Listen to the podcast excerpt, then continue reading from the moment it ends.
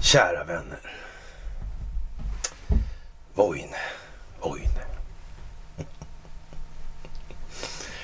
Det är fredag.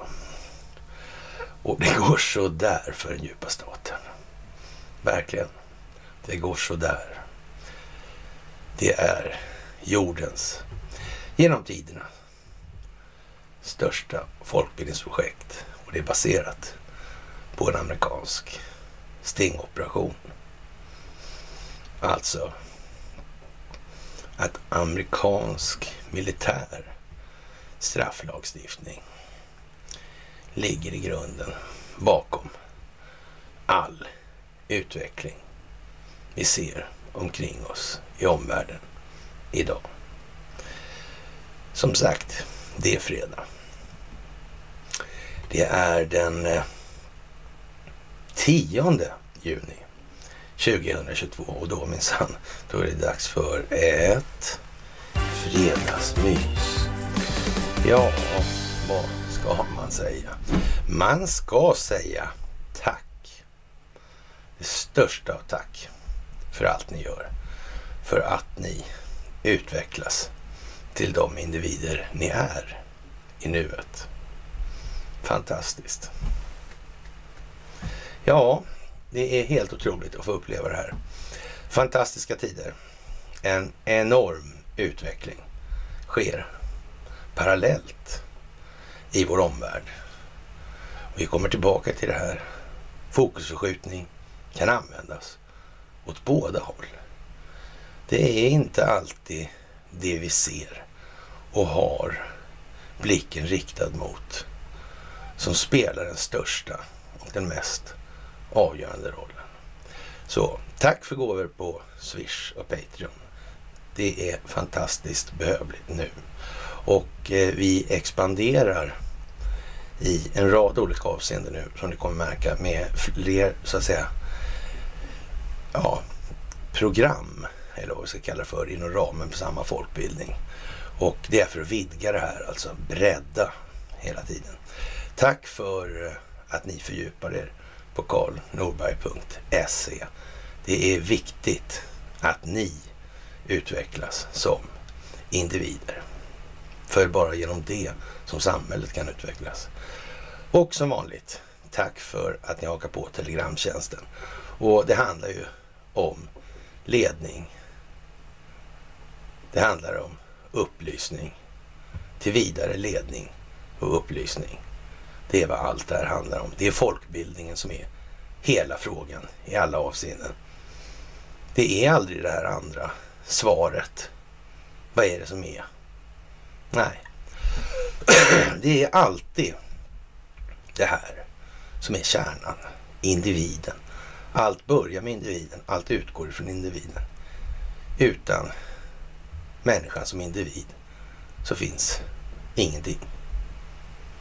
Tänker alla lika så tänker ingen alls. Ja, det är helt otroligt. Det måste jag säga. Och allting går igen i tidens grums och mögel. Skrider fram en skrämmande fantom, eller ett fantom till och med tror jag det är. Minsann. ja, ja, ja, ja, ja. Det är ju så det är.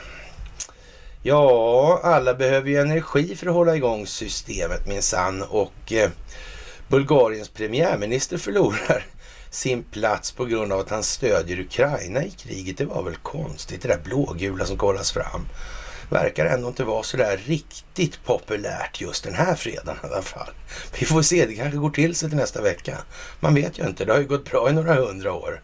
Så vem vet? Eh, ja, det kanske var bara ett litet eh, ja, missfall i arbetet eller? Jaha, ja. eller så var det ju inte det. Nej, nej, precis. Mm. Och eh, bulgarer och japaner, de är liksom lite trötta på det här med laglösa ukrainska flyktingar. Japaner, ja, se där ja. Och eh, man får nog säga att eh, det är mycket nu som så att säga ja, blir uppenbart och så vidare. Och mycket kommer att bli mer uppenbart efter dagens mys. Det är också helt jävla säkert.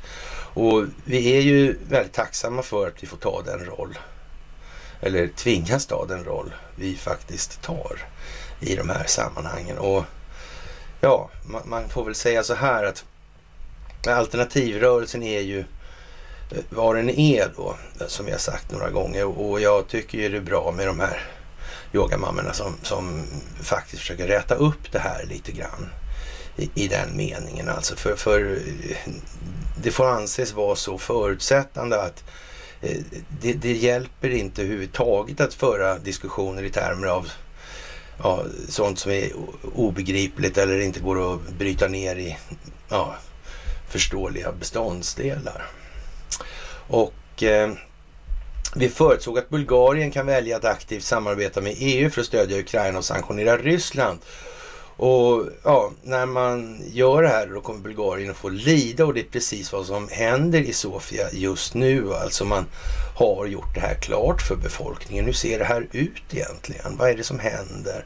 Och nu har bulgarerna förstått det här och eh, Ja, EU-kommissionen har redan uttalat att inflationen i Bulgarien kommer att nå 11,9 procent 22, vilket för en europeisk nation i utveckling verkligen inte är så goda nyheter. Den politiska instabiliteten har också ökat och eh, den bulgariske premiärministerns misär i det här. Och, ja, den här Kirill Petkov, Petkov, han har då förlorat majoriteten efter att tre ministrar och tolv övriga parlamentsledamöter från koalitionen då, ITP inklusive diplomatchefen Teodora Genshovska har dragit sig ur regeringen och det är klart att de har varit tvungna att vara med i det här till nu. Alltså det här är ingenting som de gör frivilligt alltså på något sätt. Och så måste jag, glömde visst det där, jag måste alltid göra så här också.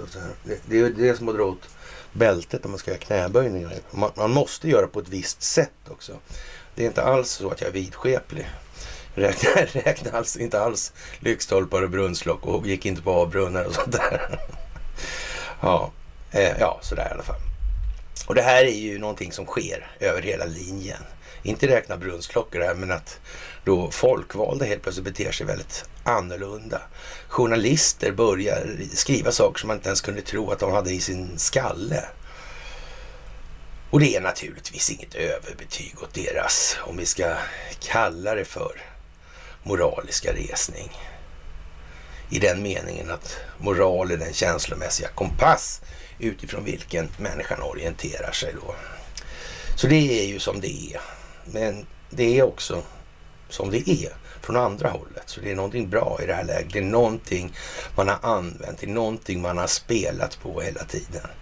Och vi har sagt det förut, alltså med de här gamla kända trumpeterna. Många människor tar gärna budbärarens individ eller person som intäkt för validiteten i argumentet i sak. Och det är kanske lite tokigt. Sådana som ska vara då fullkomligt felfria och så vidare kanske ibland till och med kan visa sig vara ja, vad ska man säga, moraliskt obskyra individer rent utav alltså. Mm. Till och med i det svenska rättsväsendet verkar det visar sig att det är så. Svenska rättsväsendet är någonting riktigt speciellt.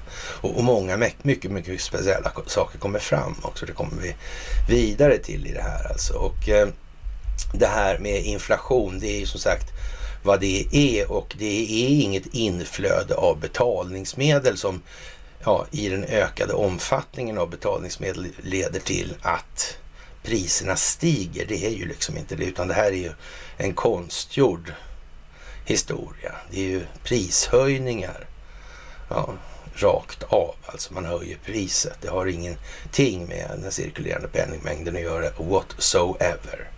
Ja, och inflation, det betyder inflöde alltså. Mm. Inflare kommer det på latin. Mm. Hur kommer det här sig? Mm. Vad beror allting på? Ja, det här tror jag ni vet faktiskt. Det är enskilt kontrollerade räntebelastade skulder så den ackumulerade räntekostnaden sticker alltså norrut. Mm. Eller söderut för systemets vidkommande, norrut för människorna, individerna i samhället. Ja, ja, det är ju lite sådär speciellt och det här kommer att fortsätta utvecklas i samma utvecklingsriktning. Det kan inte bli någon annan och det kommer bli allt mer tydligt i det här vad som händer. Och eh, Bidens, eller vad säger jag, underlivsporslinet ska vi säga för att vara lite mer noggranna så här på svenska. Så han, han har lite problem med sin administration överlag skulle man kunna säga i allmänhet då och i, i några fall i synnerhet och det visar sig då att den här chefen för Homeland Security ljög om desinformationsnämnden då, eller man ska säga sanningsministeriet då, visar nu ett eh, visselblåsardokument. Och, och man kan väl, han Mallorcas där som är, är liksom en eh, rätt så hyfsat uppenbar eh, djupa staten koryfé. Han, han får, det är också konstig grej liksom. Hur fan kommer det sig att den djupa staten väljer så? varför tar man de här som man kan ta tabbe på direkt liksom? Trudelutter till exempel i Kanada. Jag menar det kan ju inte vara speciellt svårt att så att säga slå upp honom på Wikipedia och titta på familjeband och såna här grejer. Inte, känns inte liksom hela grejen lite uppenbar?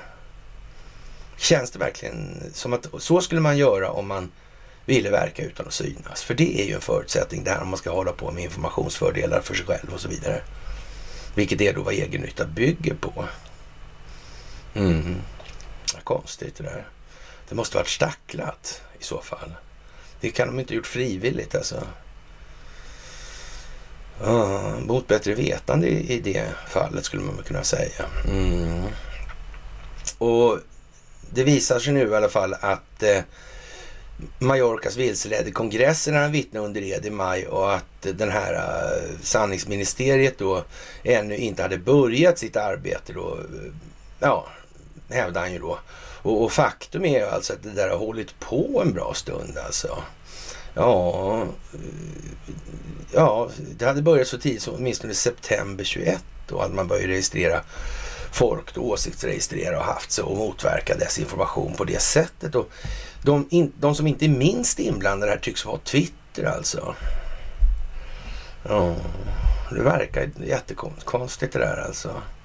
Det här med att vilseleda då och aktiekursen är naturligtvis någonting som spelar rätt så stor roll för ett sånt här bolag som egentligen inte har så mycket intäkter i verkligheten och så vidare. Mm. Det här är ju konstigt och dessutom bygger det på bottar då. då. Det är ju jättekonstigt.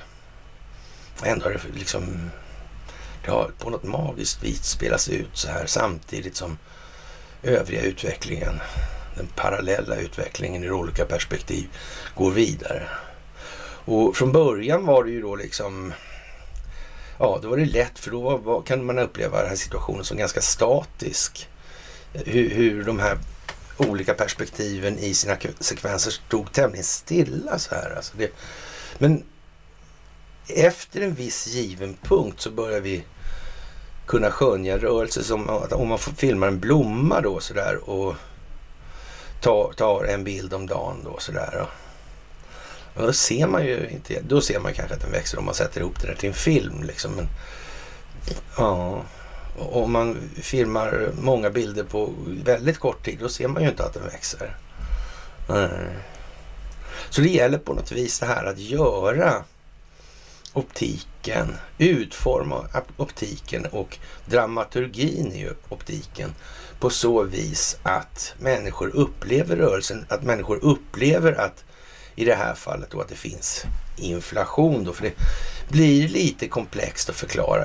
Jag vet att det låter konstigt, men det är svårt för många att förstå att inflation inte är prishöjningar utan att inflation är en möjlig konsekvens eller så prishöjningar en möjlig konsekvens av inflation. Alltså en blöt trottoar är inte ett regn. Eh, en blöt trottoar är en möjlig konsekvens av ett regn och det är en jävla skillnad däremellan. Alltså den är helt avgörande. Och hela bankprosan bygger ju på just det här. Att man använder sig av retoriska glidningar hela tiden och man har gjort det otroligt övertydligt genom att eh, Åsa-Nisse nu döper om då reporäntan till styrränta. Alltså det är ju eh, Alltså det, man ändrar ingenting i funktionen eller någonting utan men helt plötsligt så ska det här få helt andra effekter då, alltså menar man. Och det får man väl ändå säga är ett ganska tydligt sätt att peka ut vad, eller peka på vad, vad allt det här egentligen handlar om. Och det kan vara bra att minnas i det här läget. Helt jävla säkert alltså. Och som sagt, det där blir ju lite speciellt i, i mångt och mycket nu skulle man väl kunna säga utan att överdriva. Och eh, vi måste ju ha den här pedagogiken lite eh, till mans också. Sådär. Och man får ju naturligtvis anpassa ta sig dit man kommer. Det är olika för olika länder som vi har sagt tjatat om. Och det vi menar med det här det är ju liksom att det måste vara tydligt. Någonting som är väldigt tydligt för svenskar behöver ju inte vara tydligt alls för andra länder och tvärtom. Men man kan ju tycka att det är lite skrattretande då och nog för Finland aldrig varit självständigt och så vidare. Men, och, och, och så vidare. Utan det har alltid varit det här tjuv och rackarspelet bakom kulisserna i den meningen. Då, ja, ska man säga, då måste man tänka på det här nu att det, det är alltså den djupa statens standardförfarande det är alltså att anklaga andra för vad man själv använder som förfarande och att det här handlar om folkbildning. Det måste man komma ihåg nu alltså. Och man pekar ju alltid på den, att man, man, skriker att den där är nazist till exempel. Medan man, man själv då har varit med och, och, och sponsrat eller finansierat och, och, lyft fram en sån som Adolf Hitler. Det, det, är ju liksom så. Så pekar man på alla andra. Det, titta här var de jävla, ja sådär. Mm. Det är alltid samma sak. Hela tiden. Nu kommer kommunisterna. Ja, men vilka var det som startade då? Mm, vilka låg bakom? Alltså ni låg på båda sidorna. Ja, det var ju svårt att förstå, tänka sig. Ja, det, ni, ni märkte aldrig det själva? Eller? Nej, det gjorde ni inte. Nej. Eh, eh, ja, bra. Men nu kan vi upplysa er om att vi vet att det är så. Eh, lycka till. Ja, så ungefär. Ja. Och eh, ja, nu planerar Finland att bygga ett staket då. Nu skriver man stängsel för att det ska låta lite mer löjligt, eller mindre löjligt, men ett staket helt enkelt. Vi kanske ska ta ett vitt då. då. Eh, ja, brädstaket kanske, jag vet inte. Ja, nej, stängsel säger de, så vi får väl anta att det är modell Gunnebo då. då. Mm. Ändringen i beredskapslagen skulle göra det möjligt för Finland att stänga delar av gränsen för asylsökande om de skulle utnyttjas i en situation som den som inträffade förra året där tusentals migranter försökte korsa gränsen från Vitryssland till Polen och Litauen. Både regeringen och oppositionen är överens om att gränsen som nu till stor del bara markeras av skyltar enligt Reuters behöver stärkas med exempelvis stängsel. Okej. Okay. Ja, ja, ja, ja. Så egentligen så kunde ju faktiskt amerikanerna sätta upp ett stängsel bara så i saken biff vid södra gränsen. Så slipper de ju hålla på och gräva sådana där långa jävla tunnlar och köpa fastigheter och bygga om för att ansluta till de här tunnelsystemen och så vidare. Mm. I, I, USA alltså. Det räcker tydligen med stängsel. De är inte så uppfinningsrika här i Skandinavien tydligen. Jag vet inte. Ja, lagförslaget kan ändå stoppas då bland annat Sannfinländarna vill gå ännu längre och tillfälligt avbryta möjligheten att söka asyl helt och hållet. Okej, okay. så de kommer inte... Ja, det, det, sätter man upp ett stängsel då så... Ja, så sätter, då, då kommer de inte gå alltså. Eh, ja, det, det, måste som sagt vara mer tydligt på en del platser än andra. Det är ju det här. Och, och, eh, som sagt, det här funkar ju åt båda håll alltså. Den reflexiva kontrollen som metod är vad som gäller alltså. Och ja, den som inte nu reagerar på det här som att ja, men det här är ju hål i huvudet liksom. Vad är det för jävla idioter liksom? Ja, men, men eh, tyvärr är det ju som så att det som sagt sedan dit man kommer och ja, man måste få folk att uppleva att det här är ett fel och sen måste de fundera på vad är det som är fel egentligen? Och kanske sluta titta på de här migranterna i lika stor utsträckning. De här migranterna kommer ju av en anledning någonstans. Det är någon form av ofärdsförhållande i grund och botten på, på den geografiska plats som de kommer ifrån. Annars väljer de inte att flytta på sig. Mm. Någon kan ju lura dem och säga åk till Sverige så får vi får ni så här och så här mycket. Mm. Och då kan ni rösta förresten också när det ändå är farten. Mm. Ja, och så håller man på sig. Så kan man ju väva ihop det här. Alltså, men man får inte bara titta på de yttre och senaste och sista sy symptomen i kedjan. Då blir det fel i slutsatsen. Helt jävla säkert.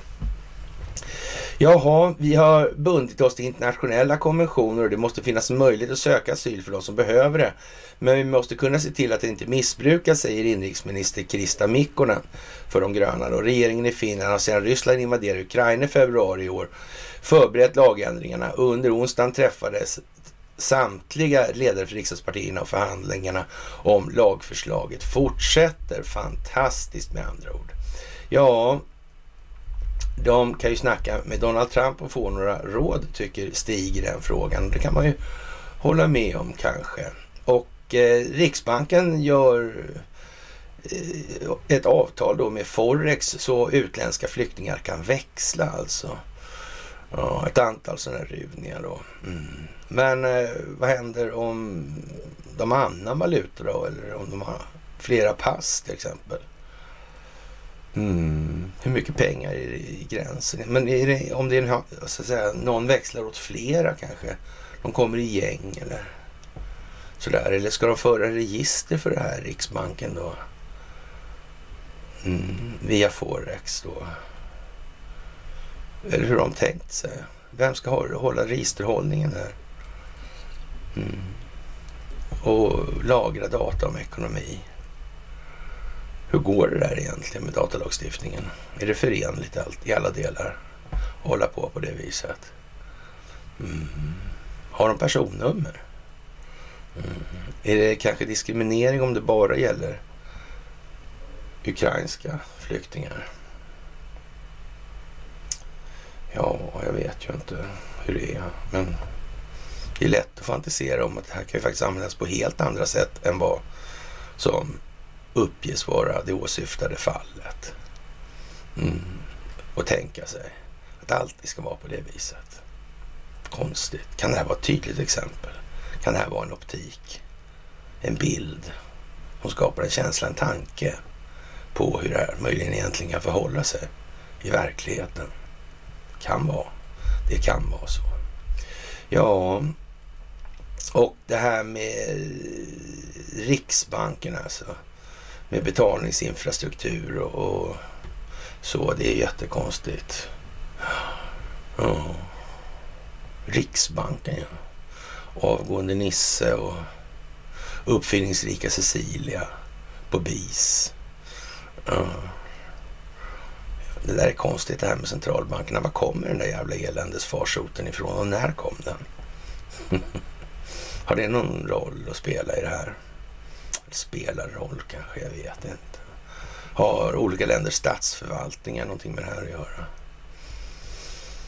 Det gamla landet, Europa ja. Mm.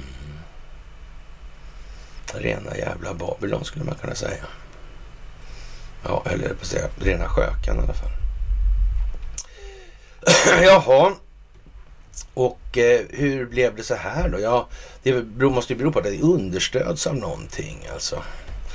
Och, och vad säger man? Land ska med skiftnyckel byggas? Nej, land ska med lag byggas tror jag man säger mera vanligtvis i alla fall. I alla fall i statsvetenskapliga sammanhang. Tror jag det är så. Lundinåklagaren Henrik Attorp eh, har rätt så barska tider. Men fan det är konstigt alltså. Det är ju konstigt här måste man säga. Ja. Konstigt som fan. Kan det, vill man komma åt det här svenska rättssystemet? Tror det, eh, är det en fråga för internationella intressen av någon anledning, tror Ja, ja, jag vet inte alltså. Det är ju märkligt det här måste man säga. Rent ut sagt. Jag har svårt att förstå liksom hur det ens kunde bli så här.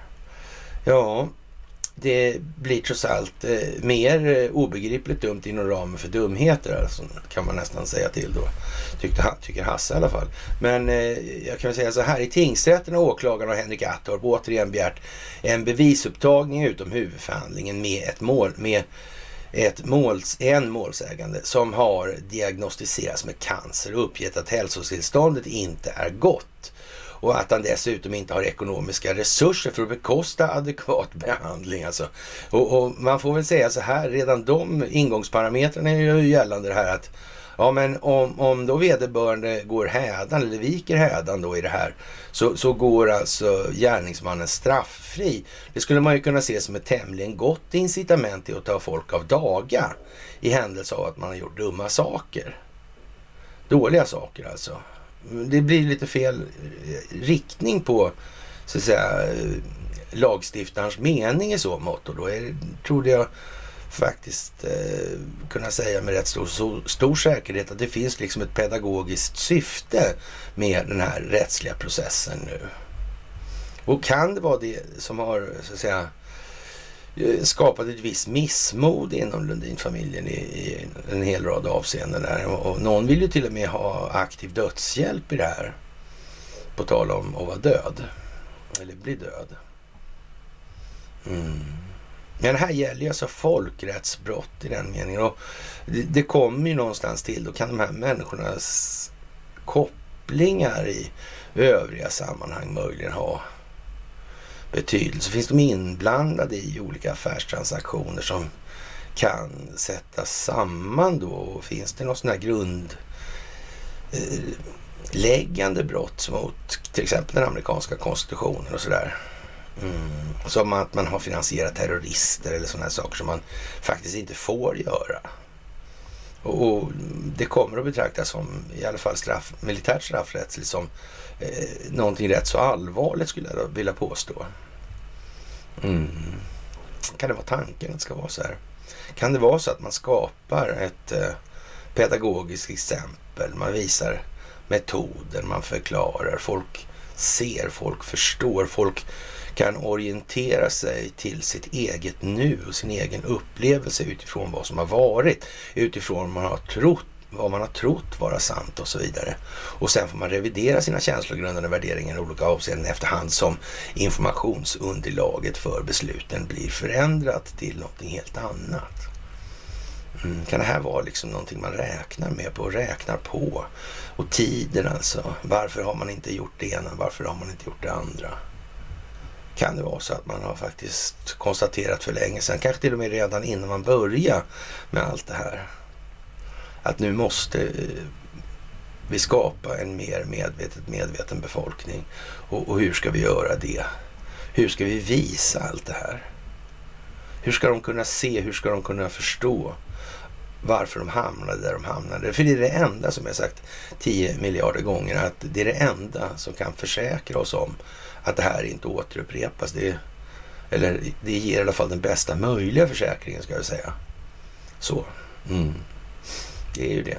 Vi måste sträva, vi måste engagera oss, vi måste bry oss hela tiden. Ja, som sagt. Åklagaren har alltså uppgett att han befarar att hälsotillståndet snabbt kan förvärras och att målsägarna då inte kommer kunna infinna sig vid en huvudförhandling. Och, och det går ju liksom inte dra mycket mer tydligt än så. Här, här gör man ju, det här är liksom worst case, alltså ytterlighets... Det här är att dra det till sin ytterlighet när, när det har blivit ett sånt där fall alltså. Mm. Och om det är så där lagstiftningen ser ut nu då, när den försöker sträcka sig så långt den kan, då är det ju vad det är helt enkelt. Medan målsägandens ombud har anslutit sig till åklagarens begäran har, ja, han är sjuk alltså, målsägande ombud har, så har Alexander Schneider och Ian Lundin och Lundin Petroleum liksom vid tidigare tillfällen motsatt sig begäran. Och tingsrätten tog återigen beslutet att begäran om bevisupptagning utom huvudförhandlingen med målsäganden avslås. Ja, det är ju lite sådär alltså. Det är ännu inte klart när en huvudförhandling kan påbörjas men det återstår en längre tid innan målsäganden kan höras inom ramen för en sådan förhandling. Utgångspunkten är emellertid att bevis ska, bevis ska eh, tas upp vid en huvudförhandling utifrån det åklagaren angett och det underlag som har getts in avseende XX hälsotillstånd anser tingsrätten inte att det framkommit tillräckliga skäl för att bifalla begäran om bevisupptagning utom huvudförhandling. Ja, det är svensk lagstiftning. Det handlar om den svenska lagstiftningen. Det är precis som Robert O'Brien sa. Så det här handlar inte om ASAP Rocky. Det här handlar om det svenska rättssystemet. Det här rättssystemet som utgör fundamentet för den Stockholmsbyråkrati som genomsyrade Europa. Som den svenska syndafloden. Som polackerna så gärna anför. Mm. Och det här skedde vid Westfaliska freden 1648. Mm. Det var fantastiskt. Härliga tider, strålande tider, sa Tor Modén om pensionat Paradiset eller i vårt fall då Hotel California. Ja, eh, WHO då medger äntligen att covid-läckan då, eller covid labbläckan är en möjlighet alltså. Det här med att det är skapat i ett labb då. Och eh, det är svårt att säga varför den här kraftiga attitydförändringen har skett. Och, och, men det är väldigt svårt att förneka fakta kan man ju säga och fakta är om vissa saker. Ja och nej alltså i det här. Att det kommer nu samtidigt som allt det här andra kommer parallellt. Är det en tillfällighet? Eller klarar vi av att se att vi kan sätta ihop det här? Vad konstigt att det händer samtidigt alltså. Vilken jävla otursfredag egentligen för den djupa staten. Alltså så här mycket otur kan man ju bara inte drabba. Fattas bara att det blir liksom telekomstörningar vid testanläggningen för robotar och att telenäten går ner sig och, och ja, ja, att Johanneshovsbron och, eller Skanstullsbron då och, och Söderleden stängs av samtidigt alltså. Ja. Och vi får för gudarna hoppas att det inte finns massor med folk som logerar sig i Katarinaberget och på Grand Hotel alltså. Om inte annat så får de inte finnas i kulverten i alla fall heller. Nej. nej. Och, och, det går ju långt ner i så fall alltså. Ja, det var det 121 eller 131 meter där på Söder va? Men det, tunnelbanestationen. Ja. Fan vad konstigt alltså. Och nu har det börjat läcka alltså. Kanske är de där byggmaskinerna som håller på och läcker sönder saker. Jag vet inte. Ja, ja, ja, ja, ja. I två år har statliga och globala medicinska institutioner som CDC och WHO tillsammans med lurendrejare som Anthony Fauci hänvisat till argument att covid-19 läckte från eh, virologlabbet i Wuhan.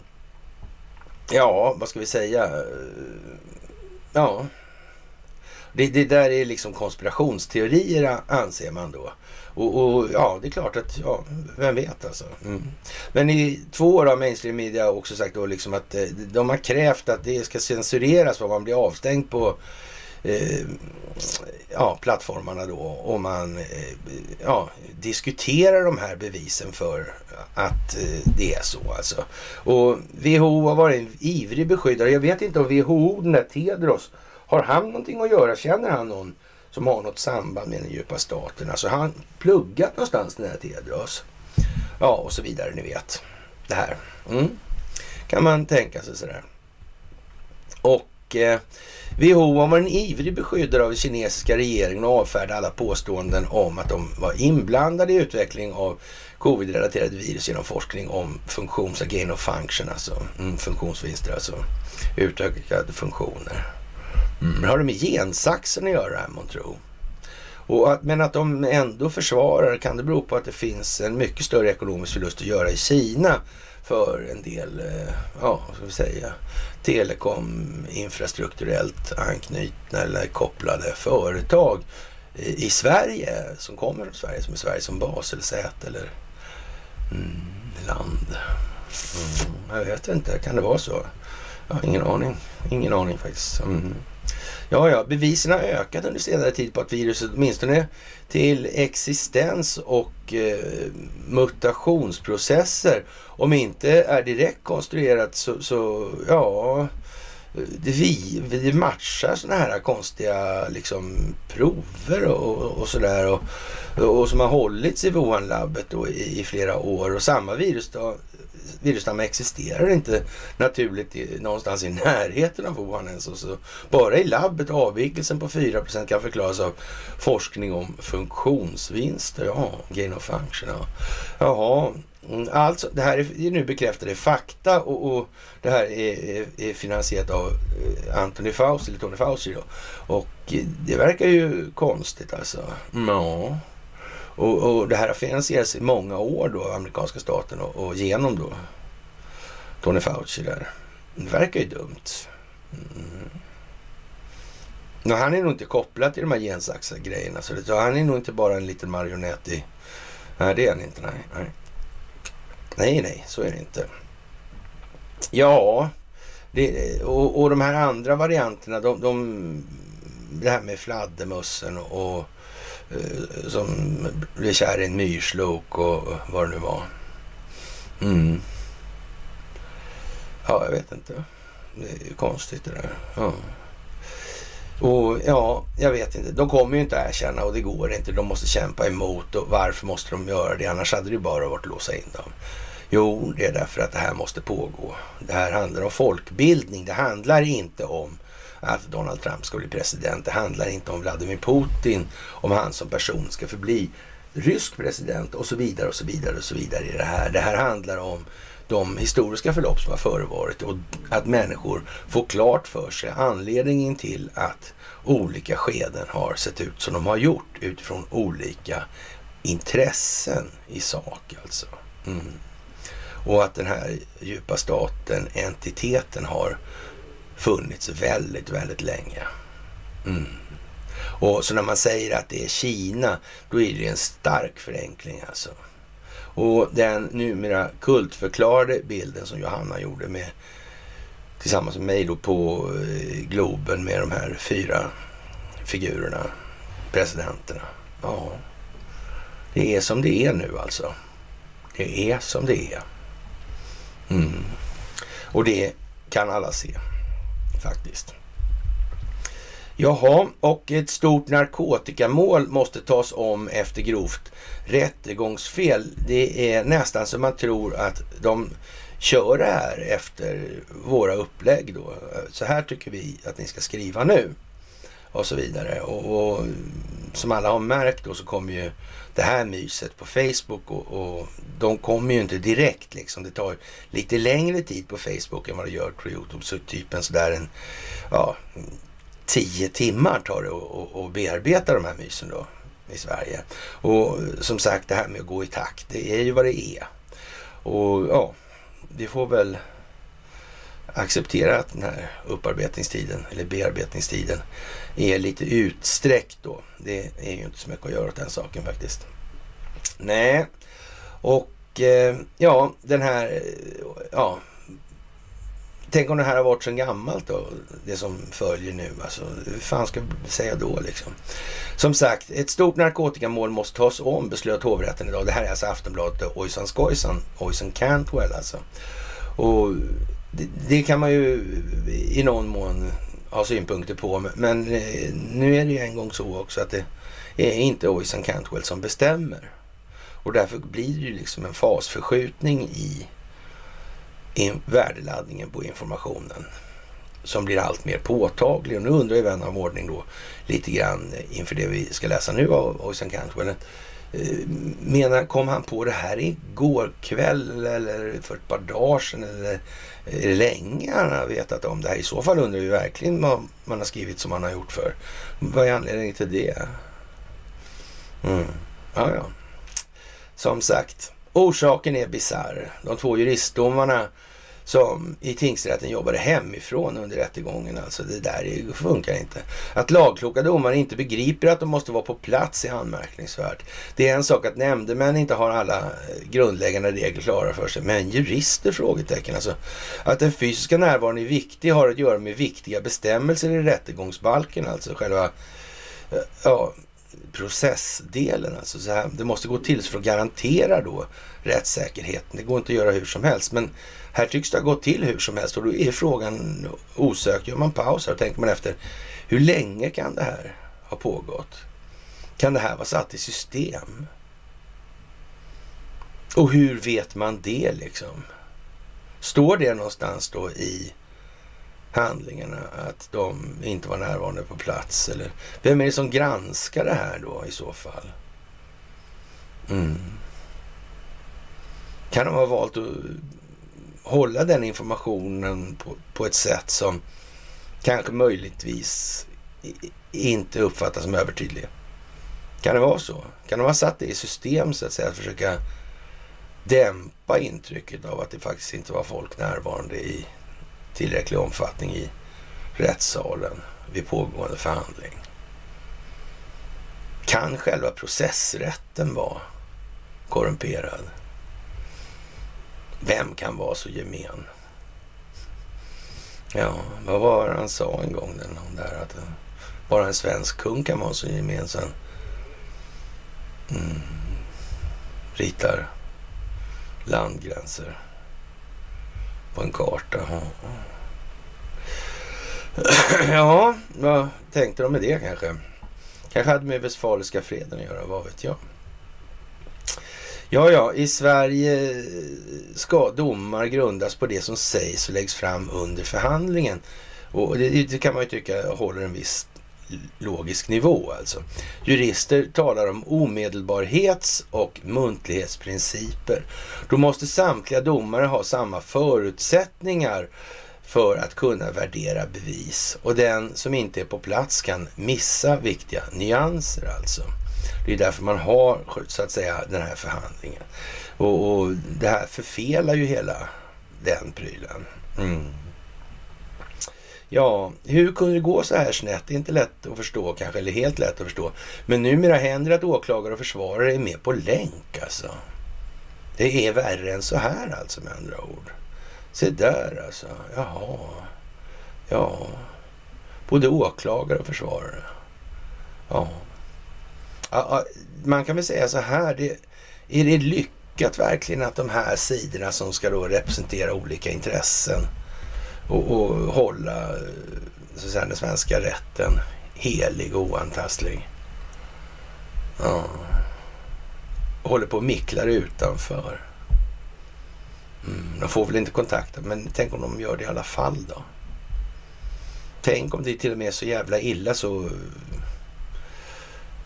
svarande advokaten och, och kärande advokaterna eller så den anklagade och den anklagade den anklagande och den anklagades ombud faktiskt förhandlar bakom ryggen på hela grejen och kanske till och med blandar in rätten i det. Kan det vara så det fungerar? Det skulle väl aldrig kunna vara så. Kanske det var övertydligt gjort någon gång också som... Ja, ja. Så pass. Vem vet, det kanske kommer fram. Vem vet, det kanske kommer fram alltså. Ja, möjligen trodde domarna eh, att det inte var hela världen, även om det var det. Och i så fall så kan man ju säga så då är väl ändå färdigklassificerade som kvalificerat olämpliga eller ha ett eh, närmast eh, patologiskt dåligt omdöme. Naturligtvis grundas då, grundat då på en moral som eh, förvisso kan kallas svensk men ändå inte kan kallas särskilt smickrande för mänskligheten. Så tror, man kan, tror jag nog man kan uttrycka saken utan att våga sig allt ut för, för, för, eller på för tunn is då. Jaha, det är samtidigt utmärkt att hovrätten hade integritet nog att fatta ett obekvämt och ekonomiskt kostnadsbeslut. Redan den sammanlagda utgiften för advokater i målet är ett antal miljoner kronor. Men så går det inte heller att sätta ett pris på rättssäkerheten. Det verkar vara viktigt med pengarna alltså. Mm. Priset alltså. Ja, jag vet inte jag. Det verkar lite konstigt det här. Hur har man tänkt egentligen här? Mm. Ja, som sagt, vad trodde de egentligen de här? Men det var första gången. Nej, det var inte det. Det fanns, jag var på telelänk där också. Tidigare. Mm. Mm. Det är inte så att man har använt den möjligheten och systematiserat det där för att kunna komma undan med och så vidare. Och sen har man vägt in då kostnaden för det här också. vad samhällskostnaden skulle kunna tänkas bli för det ena eller andra utfallet. Eller? Man gör det å ena sidan, men, men sen gör, låter man bli. Man lovar. Det lovar de. men det kommer ju nya exempel. Man hinner inte ens läsa ja, så att säga, den här tidslinjen på Facebook alltså, utan att få intrycket av att eh, eh, va? Vad är det egentligen som pågår som faktiskt är, ens kan mista oss för att vara bra och ordentligt gjort liksom? Förlåt? Jag sa, jaha, ingenting. Nej, men, ja, men ni vet, sådär va. Det är fantastiskt det här att få sitta här med er och, och sitta och orera och, och, skratta lite åt det här, för det är faktiskt lite komiskt alltså. Jaha, och eh, ja, det, det var Qatar som kontrollerade amerikansk utrikespolitik i många år och, och man får väl så att säga det var i The Global News och man får väl nästan ana en viss sarkasm i det fall man inte kan göra det utan det blir rena muslimtrakasserierna. Då får man förstå att vederbörande kanske dels spelar teater och den här optiken måste fram och så vidare. I, i den meningen. För alla eh, borde vid det här laget egentligen ha fattat vad den här eh, sunnisekteristiska extremismen egentligen har varit för någonting. Vem den har gynnat, vem som har skapat den med vilket syfte och så vidare. Mm det är samma part som står och gapar om att den måste förbjudas och så vidare. Så och, och, det kan ingen med ett, en halv hjärncell i behåll alltså tro att Sverigedemokraterna skulle existera utan migrationsfrågan. Det, det kan liksom ingen tro. Om det visar sig då att själva fundamentet för den verksamheten som bedrivs av ja, ja, AFS och eh, Sverigedemokraterna och eh, de här delarna av alternativrörelsen som tillhör där, den falangen Alltså, verkar inte det här lite konstigt alltihopa? Och kan det vara anledning, finnas en anledning till att de inte vill ta i det här med ekonomin till exempel?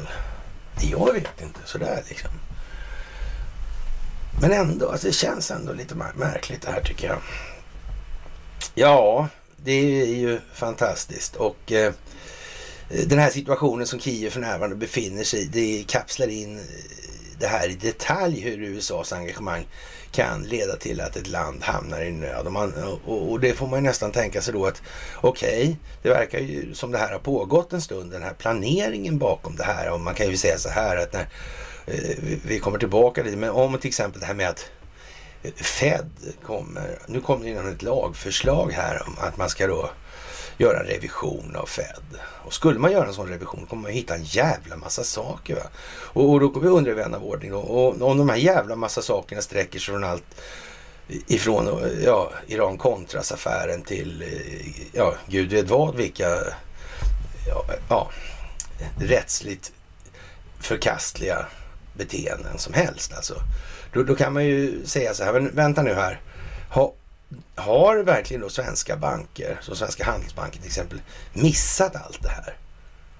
Jag menar snacka om och, och, och för det var väl så här vill jag minnas att eh, 2008 eller så, så där, när det var liksom någon, någon problem på finansmarknaden där. Det var bara sekunder från att systemet kollapsade säger Anders Borg innan han öppnade gylfen. Mm. Ja, men de här 64 miljarderna de fick av Fed då i nödkredit. Det är konstigt. Varför var inte det en fråga för eh, svenska riksbanken?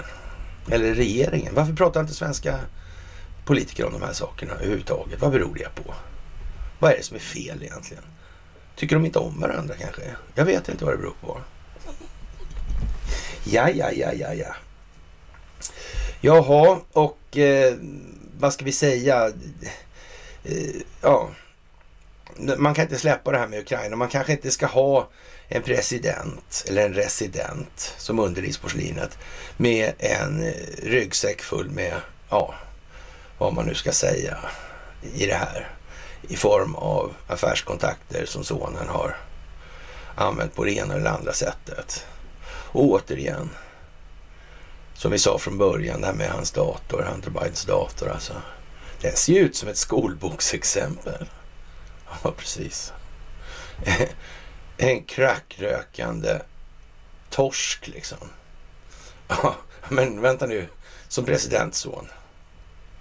Och, och, och, och CIA och, och FBI satt på kammaren och missade det. Mm -hmm. Ja. Man får väl säga att det måste varit rätt mycket infiltration av den infiltration som, av samhället som CIA och FBI bedrev. Alltså de strategerna där, de måste ha förstått att det här ser inte så bra ut. Det här kommer barka åt helvete. Det här går inte alltså. Nej men hade det här varit på riktigt, då hade väl, och, och, och då visste väl CIA och FBI-chefer vad, vad organisationen hade ägnat sig åt. Ja men om det gällde Hunter Biden här, då hade väl han blivit överkörd av en, en annan crackpundare som sålde crack till honom då, när han hade snott en lastbil eller vad som helst. Och kört över Hunters bil eller så. Mm, med Hunter i.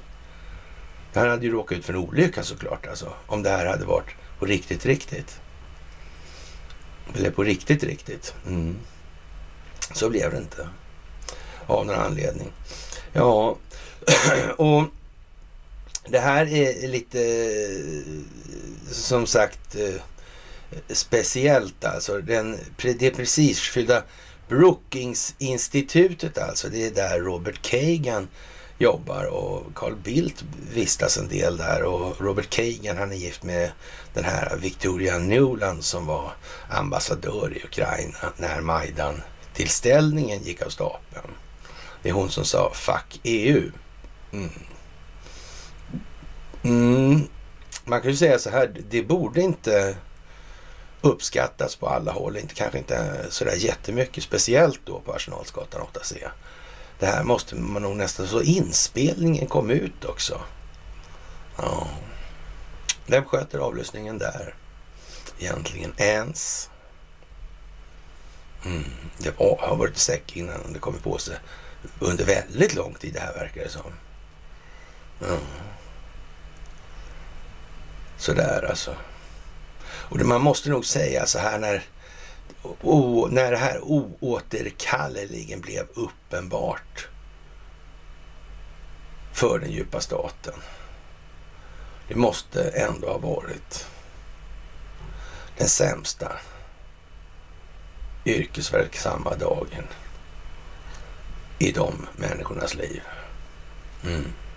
Allting går åt helvete. Det går inte att backa. Vad man än försöker med. Vad konstigt. Mm. Ja, ja, det kan man ju fundera lite på sådär alltså. Mm. Jaha, man har utsett i alla fall då, eller Underlivsporslinet har utsett den pensionerade fyrstjärniga maringeneralen John Allen på, eh, som då har varit eh, administrativ tjänstledig efter uppkomsten av en brännande rapport som eh, avslöjar hur den tidigare befälhavaren för NATOs internationella säkerhetsstyrka ISAF jobbar på uppdrag av USA och ja, för rika Persiska vikennationen Qatar alltså. Ja, men undrar om den här John Allen där alltså. Ja, liksom John Allen. Det är nästan som John Foster eller Allen. Det är bara Allen Dall alltså. Jaha. John Allen, vilken lustighet alltså. Ja, jag vet inte alltså. Qatar, ja. Det är inte de som äger någon kanal? Jag har ingen aning. Ja, ja. Qatar, en nation på västkusten av Persiska viken, är allas eh, drömboende eftersom landet är hemmet för alla typer av bekvämligheter som tillfredsställer någons lyxiga drömmar.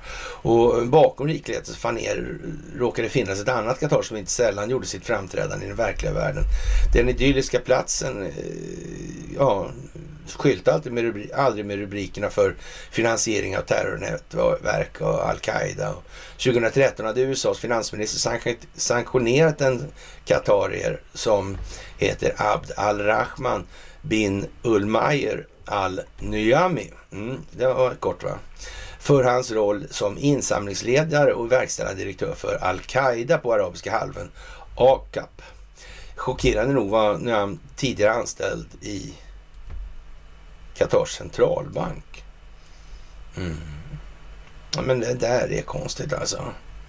Det där är konstigt och de kan inte påverka. Och är det så att man håller på med en internationellt koordinerad insats folkbildningsprojektet håller på med det nu alltså. För att förstå att den här har aldrig haft någon funktion. Det här har bara varit en täckmantel för att alla inte ska se direkt att det är de enskilda bankerna som styr allting. Och därför har man hållit sig med den här kulissen och har precis de här så att säga, verktygen till förfogande i centralbanken som ska ge den trovärdigheten. Och sen har man spelat upp hela ekonomivetenskapen enligt ett manus och en dramaturgi, dramaturgi som ska göra det här trovärdigt i människors ögon. Mm. Kan det vara så? Och sen har man haft sådana olika organisationer, ja, strukturer då, implementeringsorganisationer, implementeringsstrukturer då, alltså som Bilderberg, Davos, World Economic Forum. Ja. Det är på något vis samma sak som de här centralbankerna. Men ändå inte utåt sett. Men ändå är det det alltså. Konstigt hur det här kommer sig. Klarar sig någon av de här lirarna utan telekominfrastruktur? Utan ström? Inte? Det moderna krigets största del är. Men om de inte har någon som helst koll på informationshantering och någon annan styr allt, vad konstigt. Men ja, ja, ja, ja, dimensionerna kommer att rädda det här alltså. Då förändras allt det här. Mm. Dimensionerna gör att människor får en otrolig förståelse för sin historia som har lett dem till den plats de befinner sig på idag. Mm. Alltså gör den, de där nya dimensionerna det. Man kan säga så här, tvärtom. Om man får den förståelse för historien som man har upplevt och sätter det ur perspektivet av sig själv. Vad har jag blivit som en konsekvens av det här? Det jag visste då i förhållande till vad jag vet idag. Mm. Då kan man säga att det möjligen skapar en ny dimension. Men jag tror inte man ska sitta still och vänta. Jag tror det är liksom fel sätt, fel håll att titta på det här ifrån. Jag kan ha fel. ja, men man får, man får skoja lite om sånt där. Det tycker jag är bra. Ja, så det är bara att göra om och göra rätt för en del som håller på att hemfalla åt den här typen av resonemang fortfarande. Qatars engagemang i den Islamiska staten är en öppen hemlighet alltså. Och, men då anlitade världen genom att visa upp makt och ägde det sortiment av media som hyser, ja, för helt enkelt driva sina berättelser då, som man hyser då. Och typ det här eh, Al Jazeera till exempel och såna grejer. Ja, den nuvarande gordiska knuten är att eh, USA är insnärjd i Qatar som har sin rot eh, ända tillbaka till eh, golf, Gulfkrisen då 2017. Samarbetet mellan Qatar, Saudiarabien, Bahrain och Förenade Arabemiraten är eh, liksom lite anstött eller stött i kanten alltså.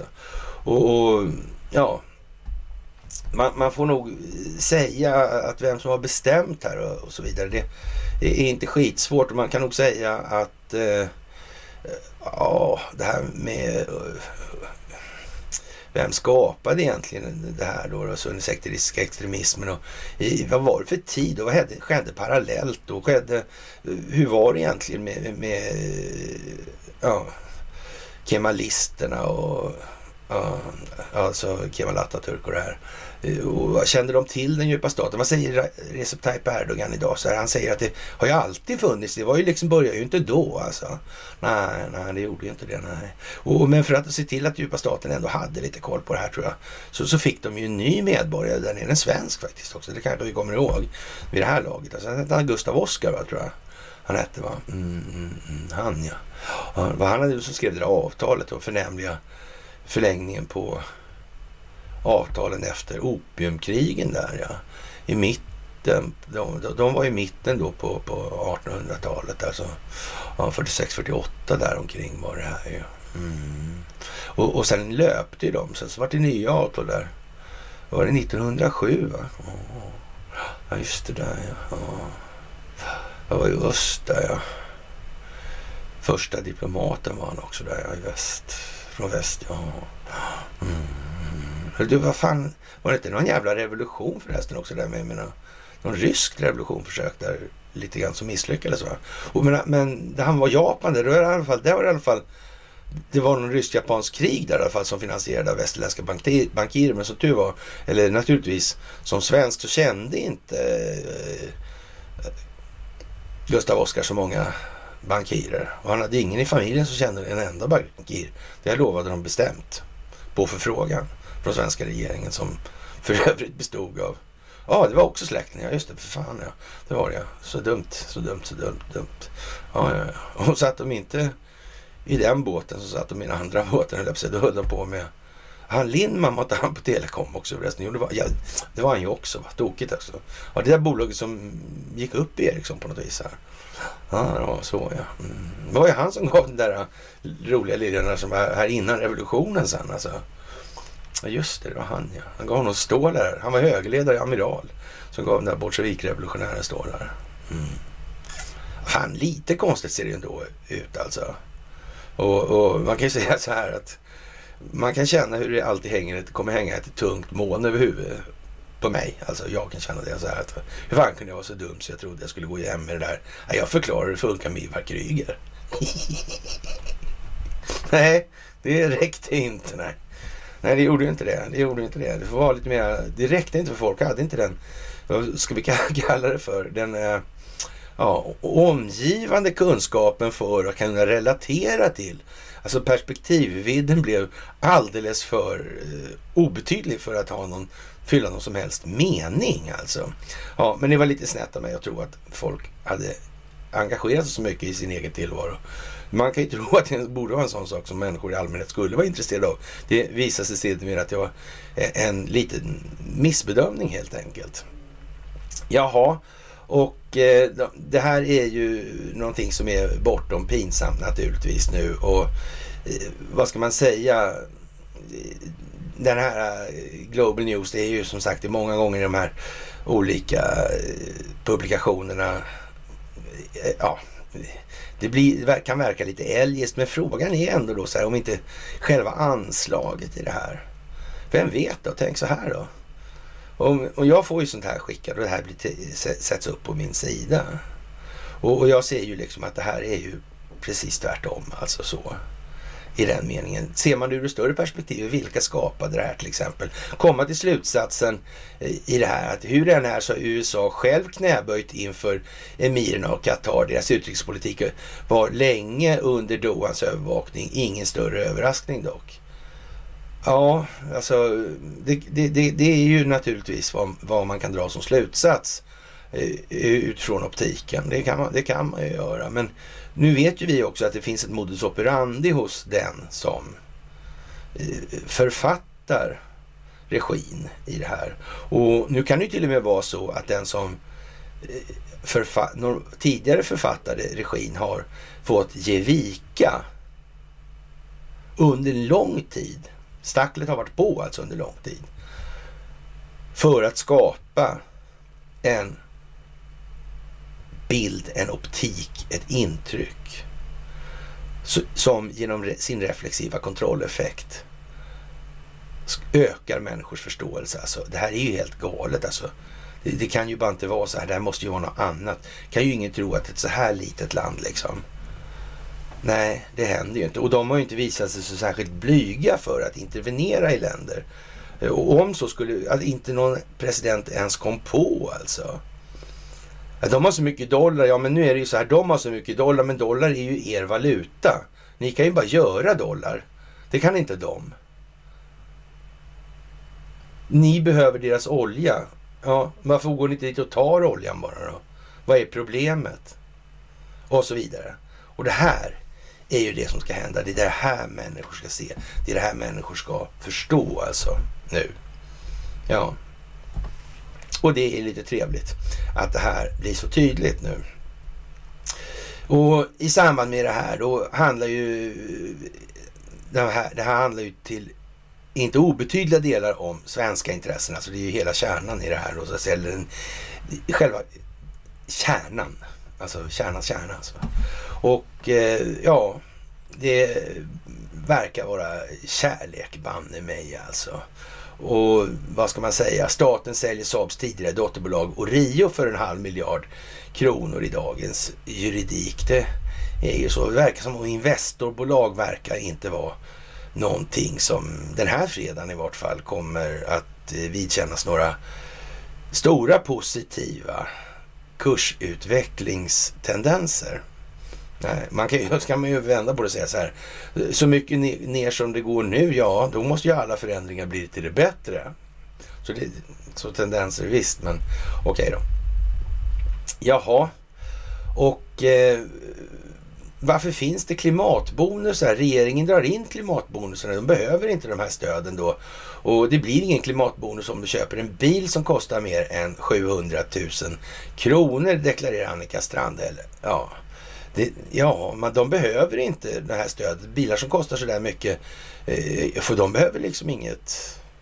Och, och de som har samlat, sparat ihop på det här till för att få de här, ja, tycker naturligtvis att det var ju jättebra. Jaha. Ja, ja, ja, ja. Och jag såg igår då att eh, en, eh, ett batteri alltså i, i något sammanhang där så motsvarar det då 20 000 andra batterier. Men vänta här nu. Så det håller 20 000 så lång tid? Nej, det var inte det alltså, utan det går ju att ladda upp så det motsvarar då 20. Då blir det materialaspekten på det då, som är frågan. Men är det verkligen det som är frågan? Frågan är väl om energin man fyller det där med då, så att säga. Var kommer den ifrån? Ja, man kan säga att det är inte sällan så att det här uppladdningsbara på något vis kommer någonstans ifrån, alltså den elektriska energin. Och, och den kommer inte sällan ifrån den kinetisk energi. Mm. Så det sitter någonting som snurrar någonstans med magneter på. Mm. Mm. Ja. Kan vara vattenkraft. Men eh, det är inte så vanligt som man tror. Eh. Det är oftast olja mm. som får de här sakerna som genererar, som kallas för generatorer då. Ja, att generera energi. Mm. Ja, ja, ja, ja. Det här är lite konstigt och, och som sagt den här eh, hela den här prylen kan man ju säga är lite udda och visste man inte det här från början egentligen med elbilarna? Det här med Darknet, kommer du ihåg det? Det här med Tor också. Mm. Om man nu vet då, eller visste att plattformarna skapades av, till och med att hela internet skapades av det militärindustriella komplexet och den djupa staten. Och, mm sen kommer något som heter Tor, va, som ska vara en kryptering som gör att det kan inte man läsa, det går inte att bryta. Ja. Mm. Vad konstigt va? Varför tillät de det? Eller? Hur var det något på något annat vis kanske? Jaha, alltså var det så det var. Tillströmningen till de här tjänsterna och de här programmen, det var naturligtvis massiv. Då fnissades det glatt på sina håll. Mm. Inte minst på Lidingövägen. Ja, det var ju så. Ja. Mm. Vilka jävla idioter var det de som sa. Fan, man trodde vilken jävla effekt. Va? Okej. Okay. ja, ja, men sådär ja. Se där ja. Lite darknet-varning alltså på det här. Det har nog varit så. Gör man ett darknet liksom, tala om det. varför kallar man det för darknet för överhuvudtaget? Liksom, det, får, det, får genomslag liksom. Det är som Björnligan alltså. Man har så här, num, de har så här nummerskylt på bröstet och, och björnbusemasker liksom. Springer runt i fångdräkterna för att vara extra tydliga. Ja, vad menar Kalle Anka då med det här egentligen? Ja. Tänk att det var alltså... De satte, det var det som var tjuvheden, att visa upp att man var tjuv. Lite grann som hojgängen faktiskt. Sådär. Man ska begå kriminalitet så man går runt med en stor skylt på ryggen. Ja. Nu har väl i och för sig det, ska vi säga, bättrat sig i den meningen. Nu har ju faktiskt rätt många i hojsvängen förstått att det där kanske vi ska ge fan i va. Eh, ska vi hålla på med, då får man nog faktiskt lag efter läge. Men å andra sidan har underrättelsetjänsterna kommit på för rätt länge sedan att ja, ska man ja, ha någon stil på de här eller kontroll på situationen, då bör man väl kanske möjligen också ja, finnas lite på insidan helt enkelt. Mm. Det gäller ju där som överallt annars helt enkelt. Så, mm. Visst, och ska man ha något gjort som man inte kan skita ner fingrarna med, med själv, ja då finns ju, så att säga, det är det man använder sådana här organisationer till. Faktiskt. Så är det över hela världen och så har det alltid varit. Och hade det inte varit så så hade inte de funnits helt enkelt.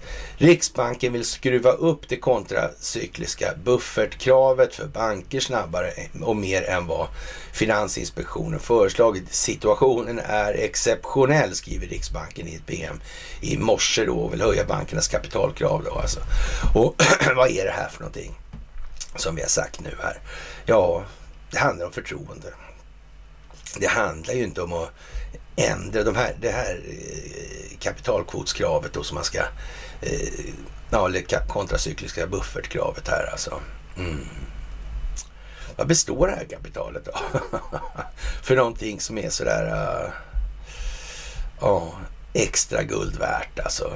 Mm. Bästa, bästa. Mm. Vad består det av? Mm.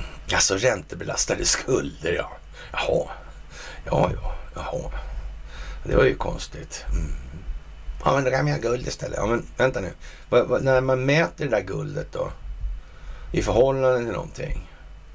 Då är det väl ändå valuta. Och den här valutan består ju som sagt av någonting som numera har blivit ett problem. Alltså det här enskilt kontrollerade eh, räntebelastade skuldverktyget. Alltså.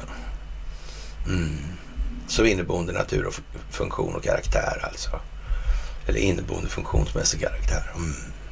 Ja, det där verkar konstigt. Alltså, verkar, liksom som de sitter i skiten helt enkelt. Jag vet inte, men jag kan ha fel. Men ändå, jag tycker det känns lite så. Alltså. Jaha, och eh, Stefan Ingves eh, pra, sommarpratar alltså den 24 juli. Det kanske man ska titta lite på, för Åland är på väg upp alltså.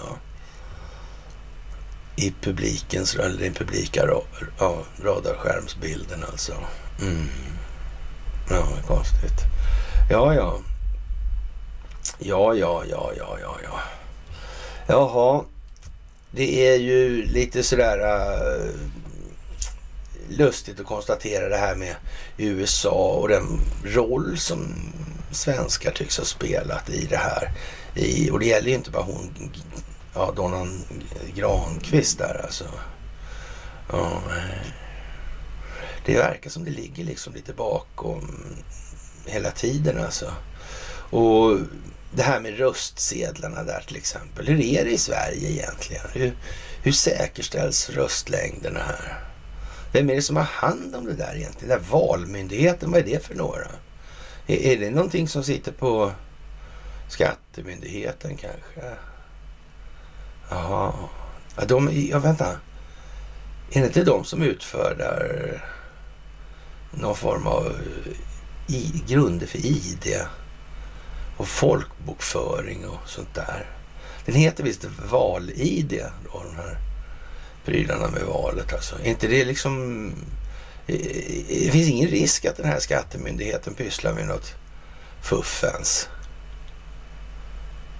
Sett ur samhällsnyttoperspektivet. Och då menar jag inte samhället som har varit, och det djupa statens samhälle. För det har inte gjorts några avkall på insatserna för att upprätthålla systemet. Ja, hindra det från att haverera. Mm. Men svenska val, det är något att ha. Mm. Och de är inte alls riggade. Inte alls. Nej. Och Skattemyndigheten, de erkänner gärna hur hela bilden ser ut. Mm. Men... Eh, tänk om. Tänk om någon sagt åt någon någonting. Mm. Tänk om någon har avlyssnat, dokumenterat en massa saker. Ja. Tänk om röstlängden är förfalskad. Tänk om rösträkningen är förfalskad. Tänk om allt det här finns dokumenterat. Mm. Ja, då, då blir det ju tokigt för många, så kan man ju säga. Det är ju lite tråkigt. I USA så, så verkar det bli bara värre alltså med det här med valet. Det verkar som det har fuskats en hel del och ljugits lite grann också ovanpå det. Mm. Ja, det är när de ska sopa igen också som folk tenderar att göra bort sig. Ja. som sagt, det där är lite speciellt så här på en sån här fredag. Och eh, det är massa obekväma sanningar som kommer fram och har kommit fram och naturligtvis ännu mer kommer att komma fram i de här sammanhangen. Ja, och så är det som sagt, det verkar ha varit lite problem med, med framkomligheten på, på eh, Söderleden och Skanstullsbron så här lagom till fredagen. Mm, vad är det där för någonting egentligen? Vad är det för konstig vattenläcka? Märkligt. Bara stänga av den. Ja, den går ju rakt under Åse gymnasium där. Mm. Konstigt hur det kan vara här i världen. Mm. Jaha. Ja. Det här stoppar upp eh, så att säga trafiken ganska effektivt. En konstig formulering det där. En vattenläcka. Mm. Ganska effektivt. Vad säger det om avsikten när man uttrycker sig så? Så konstigt kan man väl inte eh, uttrycka sig. Verkar, inte jätte, verkar jättekonstigt tycker jag i alla fall. Men eh, ja, jag reagerar på det i alla fall. Ja, och eh, det får man väl eh, säga att ni får, eller man ska liksom vara lite aktsam på formuleringar i de här sammanhangen just nu. Och eh, det är ju liksom... Eh, det är en och samma part, det är en och samma modus operandi som har verkat och varat och verkat under rätt många hundra år. Va? Och det här måste förklaras, belysas, skapas optik för. Så att människor förstår, kan ta till sig och leda utvecklingen av omvärlden i förhållande till sig själv till den punkt där de nu befinner sig. Det är det det här handlar om. Det är folkbildning och om inte annat så ur det perspektivet kan man lätt förstå att det här är världens genom tiderna största folkbildningsprojekt utan någon som helst jämförelse. Utan någon som helst jämförelse. Ja, och det är eh, värt en viss respekt måste man ju säga. Och som sagt, eh, det är som det är med framgångarna för Arsenalsgatan 8C. Och naturligtvis är det ju som så att de spelar med i det här och spelar boll. För annars hade det varit... Ja, nej det går inte. De, de är med i det här. Och, och, med all sannolikhet eh, inte med någon större fri vilja i det här.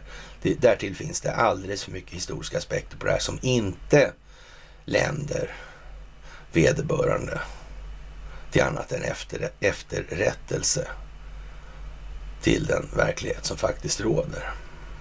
Mm. Det är slut på lögnerna, det är slut på bedrägerierna, det är slut på vilseledningen, det är slut på att verka utan att synas. Så är det. Och eh, uppgifter kommer in då naturligtvis som här dag, en sån här dag att Christer Gardell han har storsålt i ABB. Han vet väl ungefär vad det här handlar om. Och CVN har minskat sitt innehav i ABB till, från nästan 5% till strax över 3, 2, 3 enligt schweiziska medieuppgifter. Aktivistfonden avböjer att kommentera men har nyligen talat om stora portföljomflyttningar. Och ja, vad kan det där röra sig om? Alltså, mm, man tror inte på stigande kursvärde. Det, det, det tog vara rätt såklart alltså. Faktiskt. Ja, han ger ju i alla fall sken av ett fallande kursvärde. Det måste man ju säga. Att det är vad han tror ska komma.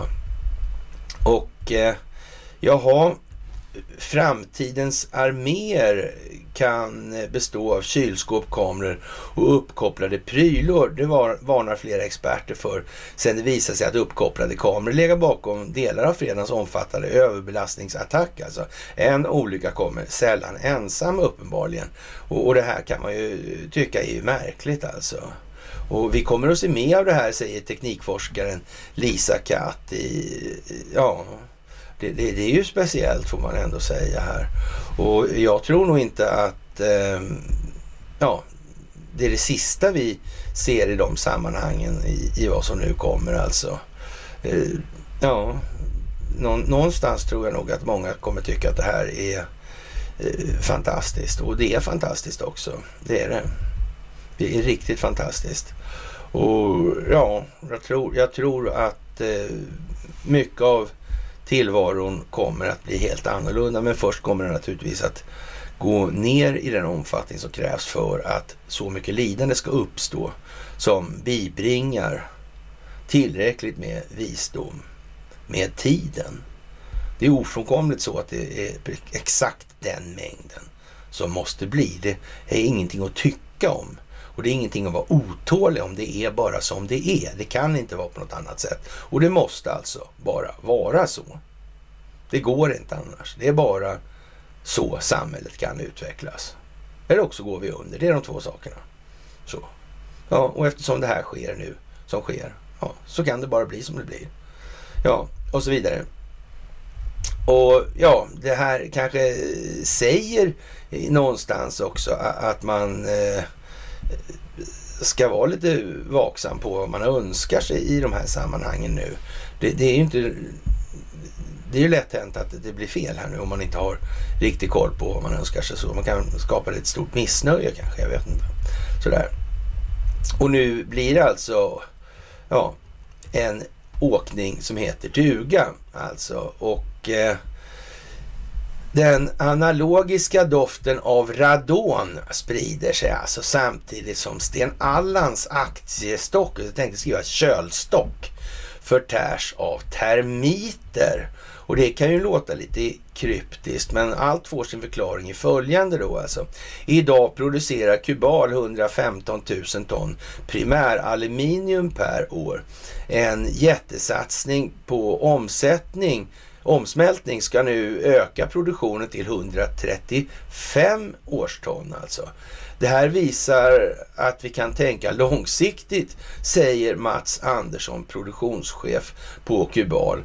Eh, jaha, men nyss skulle ju det där läggas ner eller motsvarande då och kommunen var inblandad. Det verkar liksom som att de vet någonting på Kubal som inte verkar riktigt allmänt känt överallt ändå. Alltså, kan det vara så?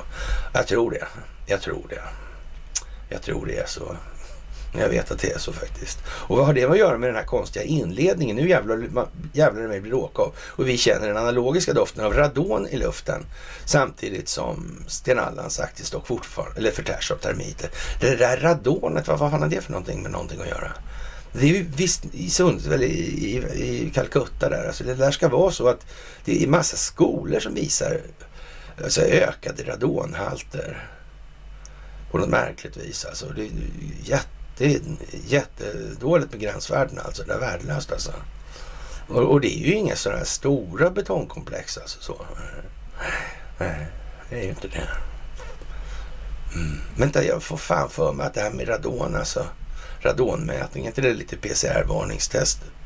Eller PCR-testvarning på det? Är det inte det? Det skulle kunna vara det. Men fan vet det liksom? Du kan inte liksom se, här är, är det radon i luften? Jag känner inget. Eh, det luktar radon. Mm. Ja, det är därför det var analogisk doft. Alltså det, ja, så det en metaforisk beskrivning. Alltså. Ja. Analogen alltså. Ja, vad konstigt. Vadå radon i luften? Det är ju bara problem. Fastighetsägaren får sanera liksom. Sånt där. Mm. Så kan det vara. Ja, du, alla de här myndigheterna alltså i, i, i Calcutta där alltså. De har ju fått gemensam, fick just en sån här gemensam fastighetsägare. Alla viktiga i alla fall. Alla de juridiska instanserna, polisen, mm, mm, Försäkringskassan. Mm. Fan vet om inte Skifer fick en släng av sleven också, han nya ägare där tror jag. Mm. Skifer var lite sådär halvruttet tror jag va? Ja, ja. Mm. Det var nästan som man fick, fick för sig att det var ett skämt med det med ja, brännvinsfabrik i provsmakning i Matfors och sådana grejer. Det var ju bra gjort och kanske till maten. Men, ja, lite sådär va. Mm. Fan vad konstigt det här är konstigt alltså. Men ändå är det lite märkligt det där. Alltså en privat aktieägare där. Eller privat ägt och företaget. Alltså privatägt alltså. Köper alla fastigheterna. Där de här instanserna finns. Mm. Ja, det kommer, om det kommer någon sån här utländsk då, säger att jag vill hyra den här fastigheten, alltså, du får så här mycket betalt. Alltså, då är ju ändå aktiebolagslagen lite sådär, ja, som den är alltså. Man måste ju tänka på bolag, man måste tänka på aktieägarna i det här. Det står ju så. Mm. Så det, det är ju så är det ju. Ja. Och, och, men om det skulle visa sig att det är sån här äh, värsta radonet så är det liksom en hälsovådligt att vistas i de här lokalerna, då, då blir det ju problem direkt så att säga. Det går inte ens att prata om. Då måste ju hyresgästerna bara lyda när fastighetsägaren säger att de måste utrymma för och radonsanerat exempel. Så det kan ju säkert finnas flera olika metoder att göra det på om man nu känner att det skulle vara nödvändigt. Mm. Det verkar ju konstigt. Ja. Och vad skulle de göra? Alltså de, de, de skulle öka produktionen till 135 000 ton. De skulle liksom satsa på någon form av metallåtervinning. Va? Var det, har jag för mig. Har jag misstagit mig där tror jag? Nej, det har jag inte. Jag har inte gjort det. Mm. finns det någon metallåtervinningsverksamhet i, i Calcutta?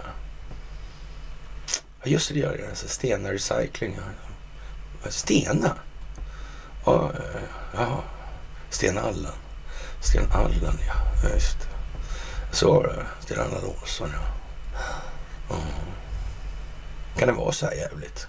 Kan det vara planerat? Kan det vara meningen att vi ska sitta och lägga pussel tillsammans i myssammanhang? kan det vara något man tänkt det? Ja, gulle. ja, man vet ju inte, eller hur?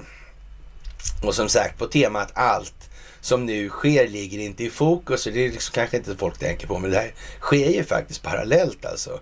Nyss var det världens jävla elände med Sundsvallsoligarkin och så vidare. Och nu ska man öka verksamheten och det här sker alltså samtidigt som varenda jävla djupa staten institution då byter fastighetsägare. Ja, vad konstigt. Och Kubal då lägger sig i helt plötsligt. När, och man skulle ju, om man inte visste bättre skulle man ju kunna säga så här att eh, det kan nog tänkas vid, bli vissa känningar på eh, underleverantörskadern i Calcutta till den tunga industrin alltså.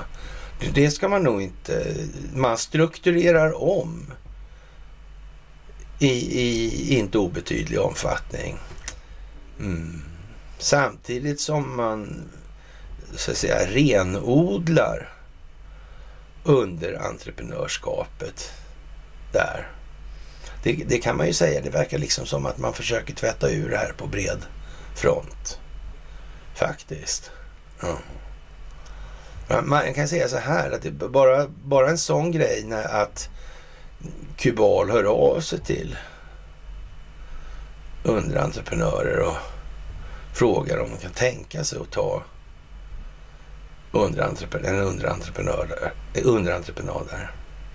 Känns inte det som någonting som är väldigt avvikande från vad som brukar vara gängse norm? Man kan väl säga så här, i, i det fall det förekommer korruption i Sundsvall, så, och, och, det kan vi nästan, den sarkasmen kan vi spa, bespara oss. Här, eh, så här, normalt sett så är det ju någonstans så här därför att eh, det kostar ju någonting att få den här entreprenaden. Alltså det är ju inköparen som ska ha någonting för att sätta det här.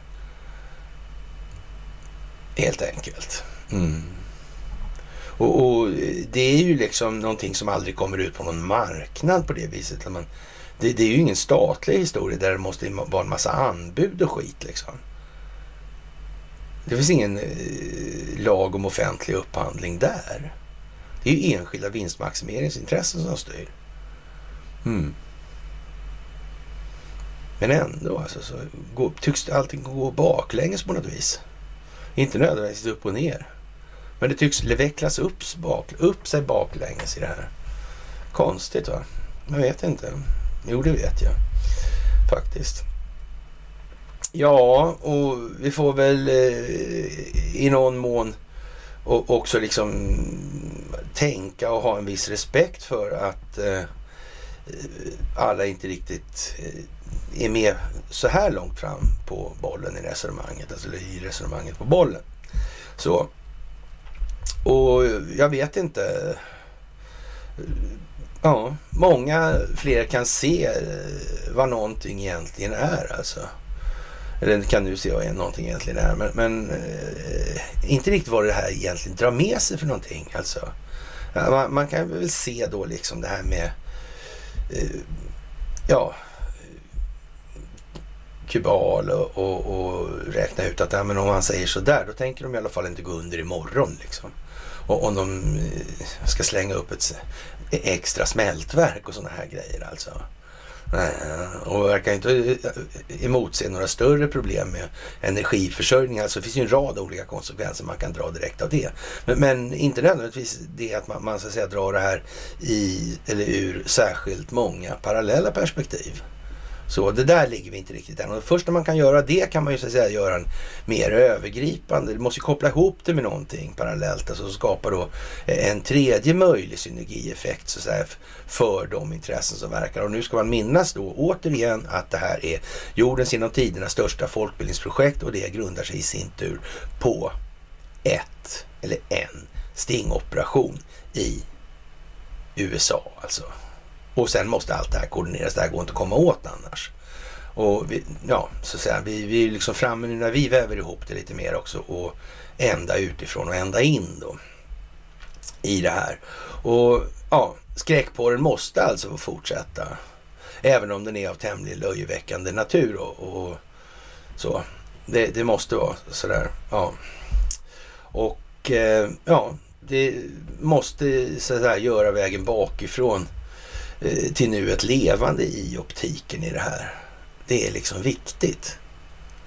Det är det det handlar om. Det handlar om individen, det handlar om individens utveckling. Det handlar om att individens utveckling är vad som ligger till grund för samhällets utveckling. Och det är bara så vi kan komma framåt i det här. Och det är jättebra om man försöker minnas det här då lite grann. Och eh, som sagt, fokus fokusförskjutning fungerar även det som metod åt båda hållen i det här. Och nu handlar det ju i mångt och mycket om så att säga att skjuta högt över trädtopparna. Det är liksom over the, over the top argumentation eller retorik som eh, gäller här alltså. Och, och, folk ska se att det där är upp, en uppenbart avskjuten bomsalva helt enkelt. Och då kommer frågan varför. Varför gör de så här ändå liksom? Jaha, och ja, någonstans så... Mm, man får eh, hålla i minnet och sinnet alltså att, att det är inte så särskilt lätt för alla och därför måste det här ta tid. För de måste med alltså av det enkla skälet att samhället måste utvecklas. Och, och vi gör inte så att säga heller, det, det ska man också veta. Så här, det är, Eh, och det, det, är lite av problemet för, med att bedriva den här typen av verksamhet, att man sitter där man sitter och, och eh, även det blir ofta till navelskådning. Man, man tänker så här, det här förstår jag och, och liksom så vidare. Och eh, lär man sig efter ett tag börjar man begripa, det handlar inte om vad man läser, det handlar om att slippa läsa allting. Det handlar om att sålla information, inte försöka in, få in, bara få in mycket information. Så det måste ju vara någonting att få in också sådär.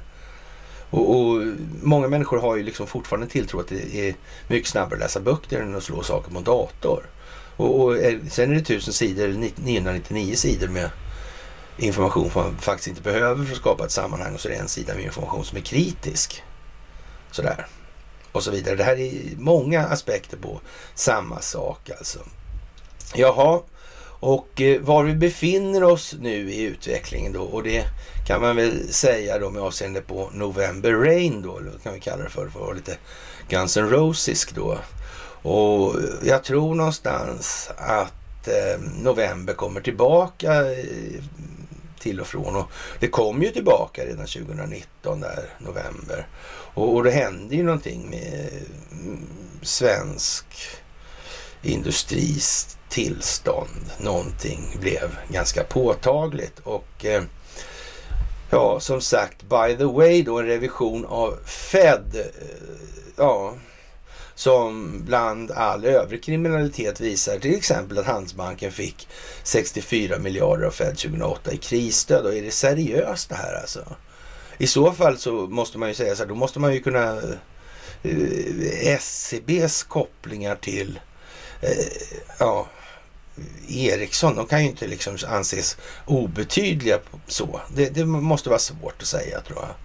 Ja, sådär. Och har man hållit på med det här och, och, och med, med, terrorism och sådana här grejer, finansierat terrorister, ja, då är det möjligen att man så att säga befinner sig i regionerna för, eh, ja, så att säga, militära rättsliga påföljder i USA alltså. Ja. Och, ja, men, men som sagt, vem är P? Det kan man ju fråga sig och möjligtvis är det väl så att Jakob kanske bara ja, tvingas stå med skylten. Den har de ju kört förr då så att säga med brorsan. Skyllde på brullan liksom. Ja, i Washingtonförhandlingarna. Mm. Men som sagt, nu är det nog tunt med utpressningsmöjligheterna. Här är, nu är det inte som den gången. Det är inte alls samma sak som vi har sagt hela tiden att det skulle bli. Alltså. Eh, de, de, den går inte igen. Alltså, det här minns folk som har så att säga, inhämtat den information som krävs för att få rättsbeslutsunderlag i förhållande till verkligheten. De vet det här helt jävla säkert. Jaha, eh, som sagt, om amerikanska myndigheter slår fast att Ericsson undanhållit information kommer det bli extremt dyrt för bolaget, säger herr Utterström. Även om man som företag vidtar alla åtgärder man förväntas göra och man får reda på att det förekommit korruption så blir det dyrt. Men eh, om man inte gör något alls, ja då blir det extremt. Oj då. I samband med rapporten publicerade gjorde bolagets VD Börje Ekholm en intervju med Dagens Industri.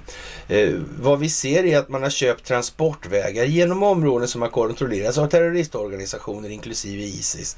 Vi har inte med de möjligheter vi har kunnat fastställa vem som är den slutliga mottagaren av de här betalningarna, sa han då. Ja, vad ska man säga? De har inga avlyssningsmöjligheter alltså. Mm.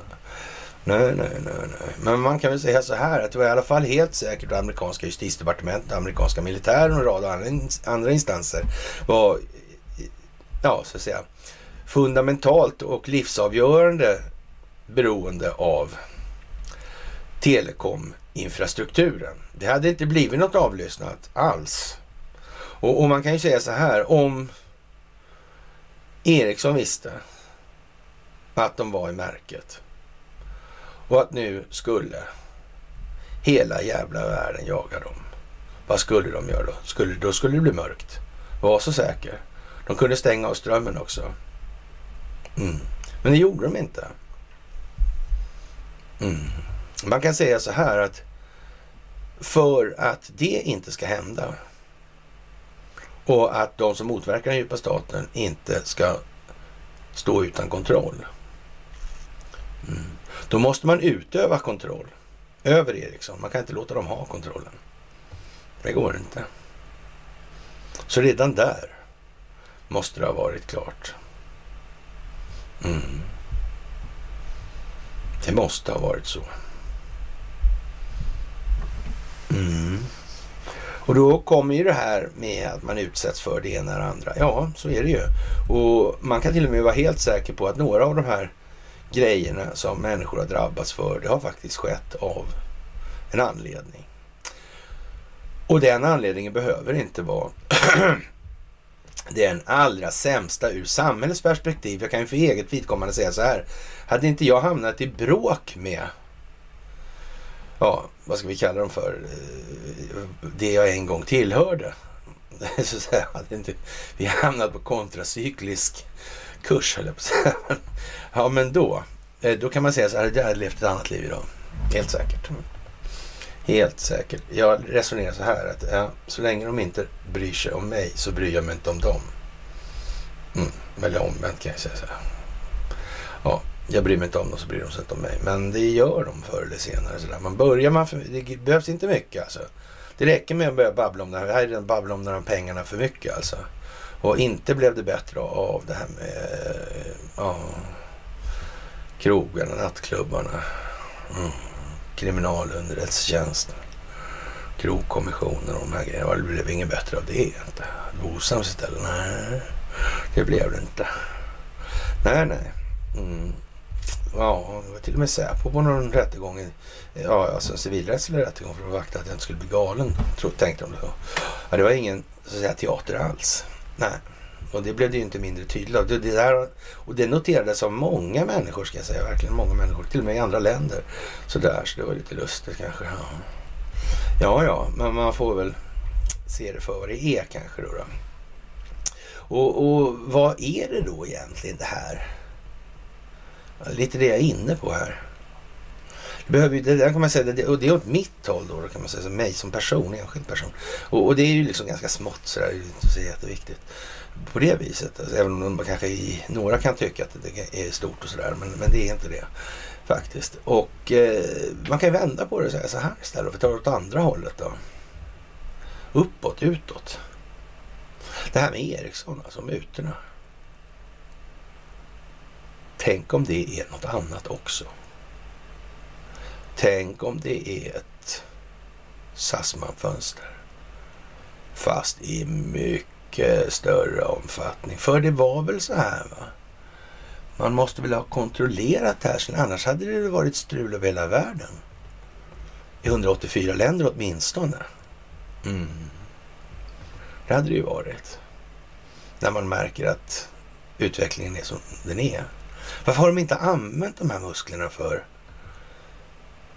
Någon gång så körde man ett race då i, om det var Uruguay eller Paraguay, det kommer jag inte ihåg, men ja, något av dem i alla fall. Och Argentina stängde man av strömmen helt bara för att bevisa att förekomsten av den typen av makt, liksom som en eh, signal på att det finns faktiskt den möjligheten. Mm. Och då undrar ju vänner vår varför har man inte gjort det då? Om nu kaos är det man alltid eftersträvar i de här sammanhangen. Och, och då kommer den här eh, sällsynt eh, ogenomtänkta ja,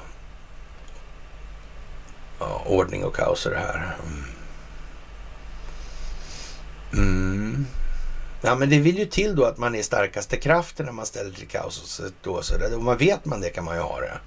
Då, då är det ju lugnt. Då kan man ju så att säga styra utvecklingen där utifrån det. Då. Men om det nu är så att det finns andra som förstår, man har ingen informationsfördel i det sammanhanget längre. Då är det ju lite annorlunda. Inte bara så jävla lite heller, rätt mycket ordentligt skulle man kunna säga. Ja, ja, ja, ja, ja. ja. Tänk om det här är liksom ett fönster då som kan kombineras med information gällande parallella utvecklingsförlopp då till exempel som exempelvis underrättelsetjänstkollektivet och utrikesdepartementet. Vad har de hållit på med genom åren egentligen? I de här sammanhangen. Kan det här vara sånt som leder in? Har, kan det vara rent ut så att Ericsson har för att skydda sig själva i sitt samarbete med olika länders regeringar faktiskt skaffa sig information för att skydda sig själva. De har inte bara de här investeringsskyddsavtalen, de har faktiskt en massa hållhakar också i en rad olika sammanhang som man kan använda för att på, utöva påtryckningar på regeringar. Men vad sa han inte muta eller hota sig till kontrakt någon där, någon var någon presidentfigur eller sådär, var det inte så? Jaha, kan det vara det han har menat? Jag vet inte faktiskt. Det där är ju konstigt alltså. Ja. Ja, och det här ligger ju ett bolag då. Eh, och, och som sagt, det går ju inte att fälla dem för mänskliga rättigheter eller brott mot mänskliga rättigheter i, i Sverige eller svensk eller i det svenska rättssystemet på det viset. Det är svårt alltså. Mm. Oh. Så egentligen så, så vet jag inte om den här Lundin-prylen är eh, riktigt seriöst som exempel. Det är ju uppenbart att det är övertydligt så att säga vad det här handlar om. Mm. Det är lite överövertydligt ur alla perspektiv, inte bara de processrättsliga alltså, utan det finns lite fler saker då. Förutom att den här är cancersjuk och inte har råd att betala för vården och bla bla bla bla och sådär. Alltså, det här är jättetydlig optik alltså. Och det gäller att få folk att hänga med på de här detaljerna, inte bara liksom eh, läsa då, eh, så att säga, under rubriken och sen så är det färdigfattat liksom tycker de. Och, men att det ligger ett bolag i det här sammanhanget då om amerikansk eh, en, ett amerikansk eh, en myndighet och som SEC fastställer slutgiltigt då att det är på det ena eller andra sättet. Vilket, alltså vad, vad blir det här för någonting då för amerikansk militär straffrätt och vad, vad händer det här egentligen? Kan det vara det som man, man försöker visa då, liksom att det här går, det är inte okej. Okay. Alltså det svenska rättssystemet är inte okej okay i den meningen. Det är gjort för att de här ska klara sig hela tiden. Som, som vi har sagt då, att det här är bara möjligt om man har ett sånt. Så vi brukar ju ta Fiskögat och Gulnara Karimova, det exemplet har, jag. som ni har, ja, ni drömmer mardrömmar om mig när ni ser det där alltså. Ja, och eh, ja, som sagt, ja, och den som hört och sett allt via kontroll och telekom då, då, infrastruktur och vidare och inte agerar på de här uppenbara brotten. Då, och, och vad säger det liksom? För, för i några fall, det här med när Uppdrag granskning körde upp det här. Men menar de på allvar då att vi ska tro att... Var fick de de här filmerna ifrån överhuvudtaget? För var det tillhandahöll då Uzbekistan, staten alltså, de här till Uppdrag granskning, övervakningen? Av medborgarna. Man, man så att säga pinpointa det här som hände, har hänt nu vid amerikanska valet och de här 2000 mulorna. Det är ju samma sak alltså. Ja. Det finns några gröna pilar som följer med. Alltså. Det, och det går inte och allt vad, den, allt vad telefonen gör liksom. Var den än skickar ifrån sig och var den än tar emot. Allt finns dokumenterat. Allt finns filmat och så vidare. Ja. Det, det är svårt att tro liksom att man... Eh, hade det här varit möjligt utan... Om man nu visste det från, från Ericssons sida att det här var möjligt. Och nu var det ju Telia som gjorde det. Ja, och det är inte alls samma sak. Va? Mm. Ja, ja, ja, ja. Som sagt. Eh, ja. Och de som inte kan fastställa då den slutliga mottagaren. De som kan peka ut på metern när, var i princip alla människor med en biltelefon befinner sig. Det klarar de inte av. I, i det, inom den telekominfrastruktur som de själva kontrollerar så kan inte de det. Nu är inte jag exakt säker på att jag tycker det här är så seriöst. Men det är det inte heller. Och, och, och ja, vad ska vi säga?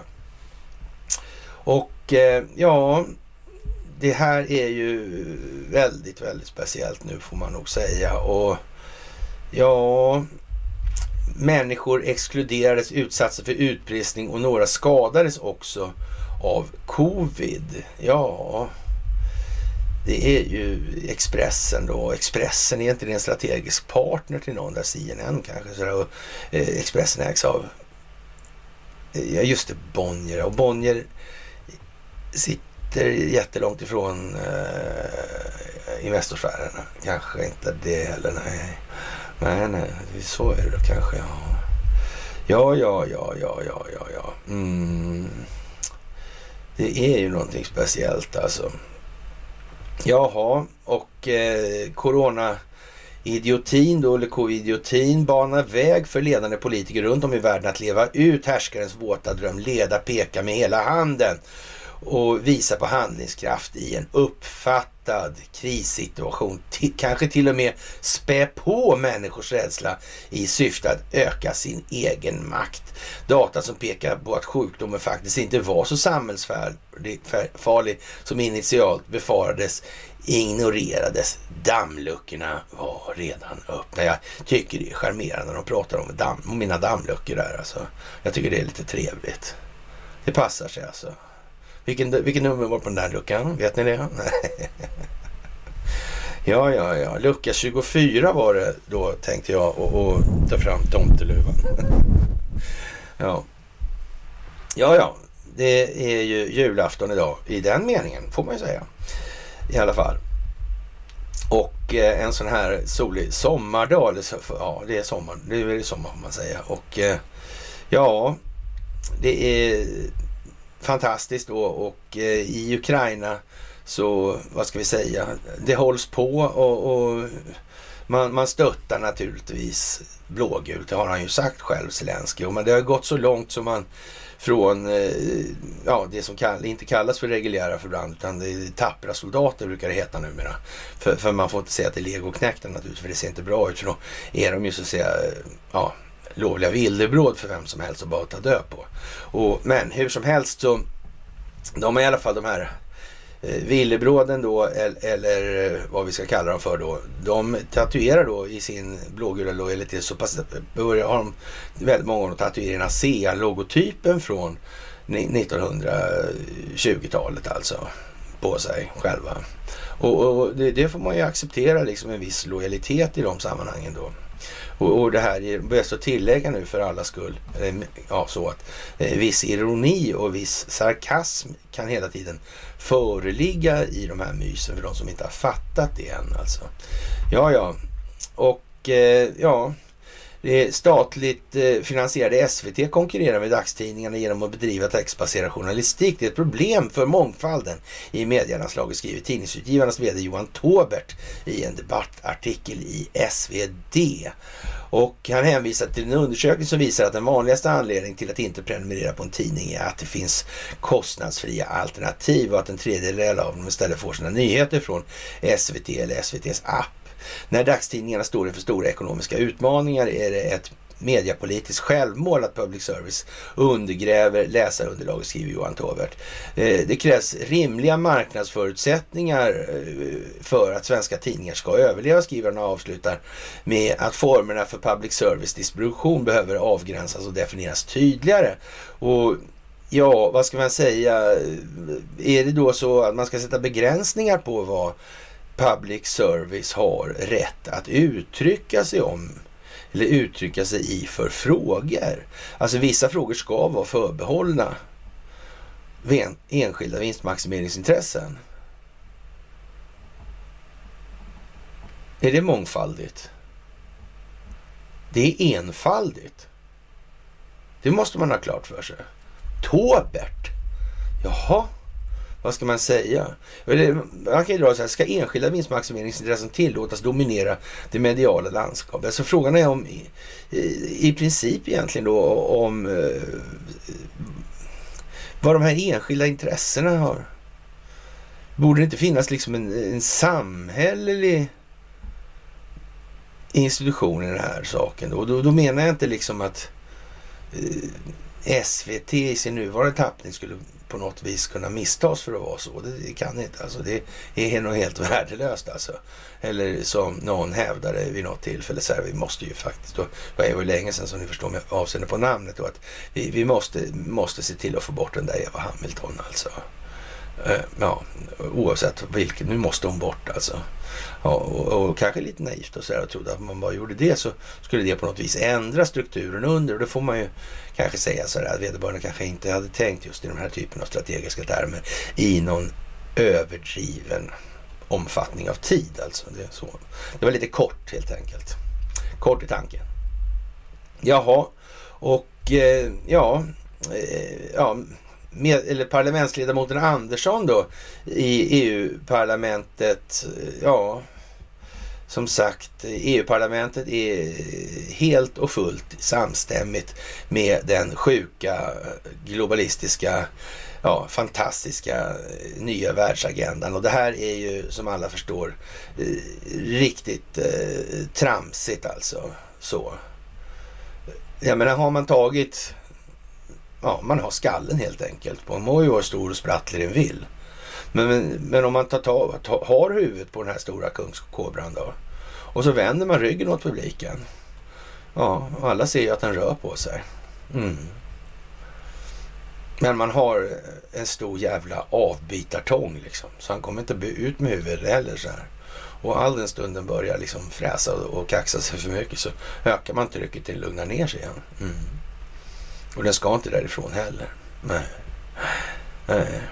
Man får svälta ner den lite. Jag får väl mat under tiden då sen. Men till slut är han ganska liten och svag. Sådär alltså. Matt helt enkelt. Ja, ja, det är liksom den här eh, madamen madammen Andersson där, hon, hon, eh, vad ska man säga, hon, eh, ja, hon är väldigt upprörd hit och dit. Hon tillför det här AFD och jag vet inte faktiskt. Hon pratar inte så mycket om djupa staten. Äh, konstigt det där. AFD. AFS heter det ju här i Sverige. Pratar inte heller så mycket om djupa staten. Nej, nej, gör ju inte det. Nej. Och som sagt, nu vill man ju inte kännas vid riktigt att man tidigare sa att det var ja, jättebra vad Investor gjorde. Utan nu vill man ju säga ja, men allt som Investor gjorde är inte dåligt. Nej, nej, nej, nej. okej. Vi kan se, vi, vi, vi, får se vad som överväger, överväger i bokslut när det väl är klart helt enkelt. Vi säger så. Mm. Sådär och, och ja, vad, vad, vad, vad finns det att säga? Det finns inte mycket att säga i den meningen faktiskt längre.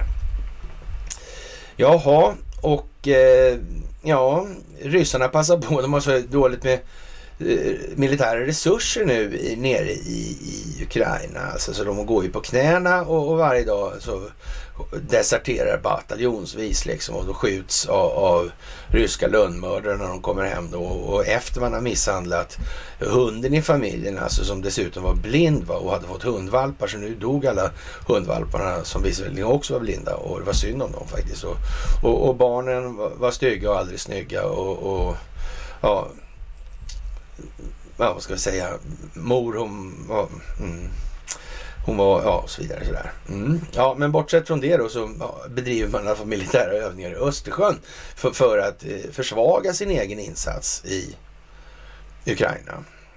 Helt enkelt. Man är tvungen att göra det för annars kommer det då hända massa saker. Eller man vill visa att man inte är så svag som man egentligen är. Eller? Ja, ja eh, Bert har säkert en förklaring för det där. Eh, om getost kanske, jag vet inte. Något sånt där. Sådär. Ja lite halvjönsigt nu eh, på den nivån i alla fall. Och eh, det framkommer nu också att eh, ja, det här med, med att hjälpa Taiwan alltså. Förstligt alltså. Man prackar på en massa vapen helt enkelt. Okej. Okay. Vi kan väl gissa att det är de gamla vapen som ändå ska utrangeras också. Så tjänar man två gånger på det så att säga. Mm. Taiwan får hjälpa till att betala de nya amerikanska vapnen helt enkelt. Mm. Och, och vem som tjänar på det här i slutändan var... Ja, det var det militärindustriella komplexet. Fan också. Ja, det var bra. Tänk som de tänkte. Jaha, ja. Mm, ja, så ja, tänkte de. Ja, ja.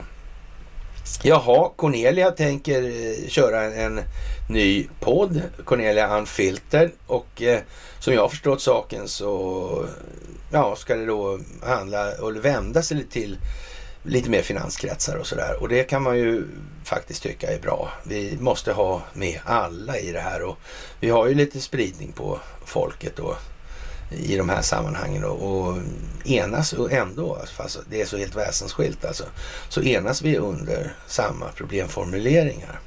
Det är lite så. Mm. Det är kanske så det borde vara istället. Sakfrågorna leder istället. Ja.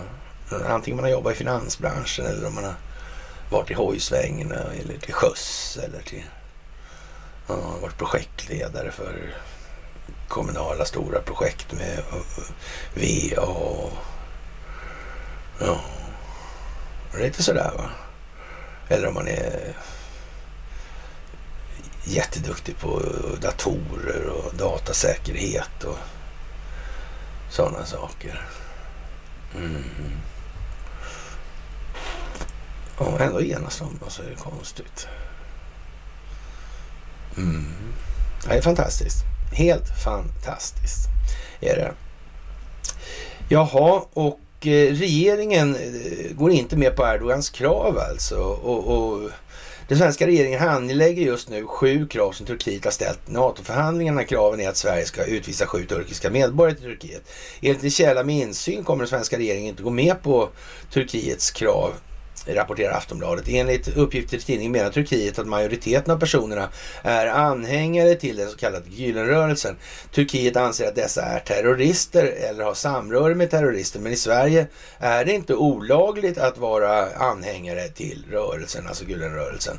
Det här är ärenden som Sverige kommer att ge avslag på, sannolikt allihopa, säger en källa här. Och, och då är det väl så att man säger, kan säga att Sverige skyddar de här som är terroristklassade i andra länder. I det här fallet främst då Turkiet. Eller? Och det går väl inte att göra någonting åt den saken. Det är väl bara att acceptera det. Man säger från turk, turkisk sida det här går inte bra. Och, och, och, Sverige svarar det är så här det är. Ja men då så. Ja då är det ju som Erdogan säger. Sverige skyddar terrorister, punkt slut. Och det handlar om det, resta, det svenska rättssystemet. Punkt jävla slut ur ett ytterligare perspektiv alltså. Ja, fantastiskt trevligt. Jaha, det skulle ta tre dagar och tre månader senare pågår kriget fortfarande. Rysslands president Vladimir Putin firar på torsdagen 350-årsminne av Peter den stores födelse. Na, na, na, na, na, na. Mm -hmm.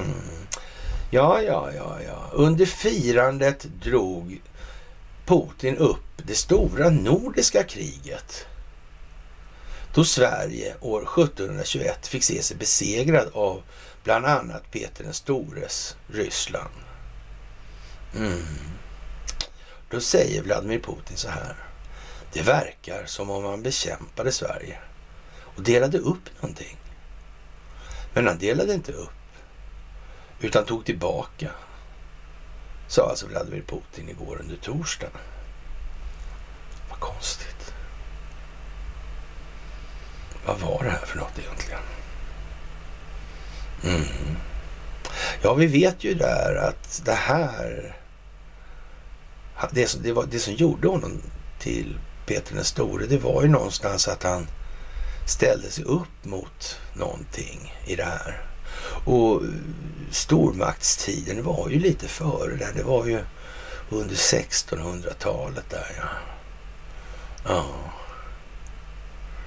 Och, och, man försökte från svenskt håll ge sig på Ryssland som var huvudmålet alltså. Och det var ju alldeles för dyrt. Man fick inte ihop det där alltså. Där backade egennyttan ur helt enkelt. Då. Men Karl XII han åkte till Turkiet och redan där alltså. Vad gjorde han där då? Han infiltrerade naturligtvis. Han var svensk. Hur gjorde han då? då?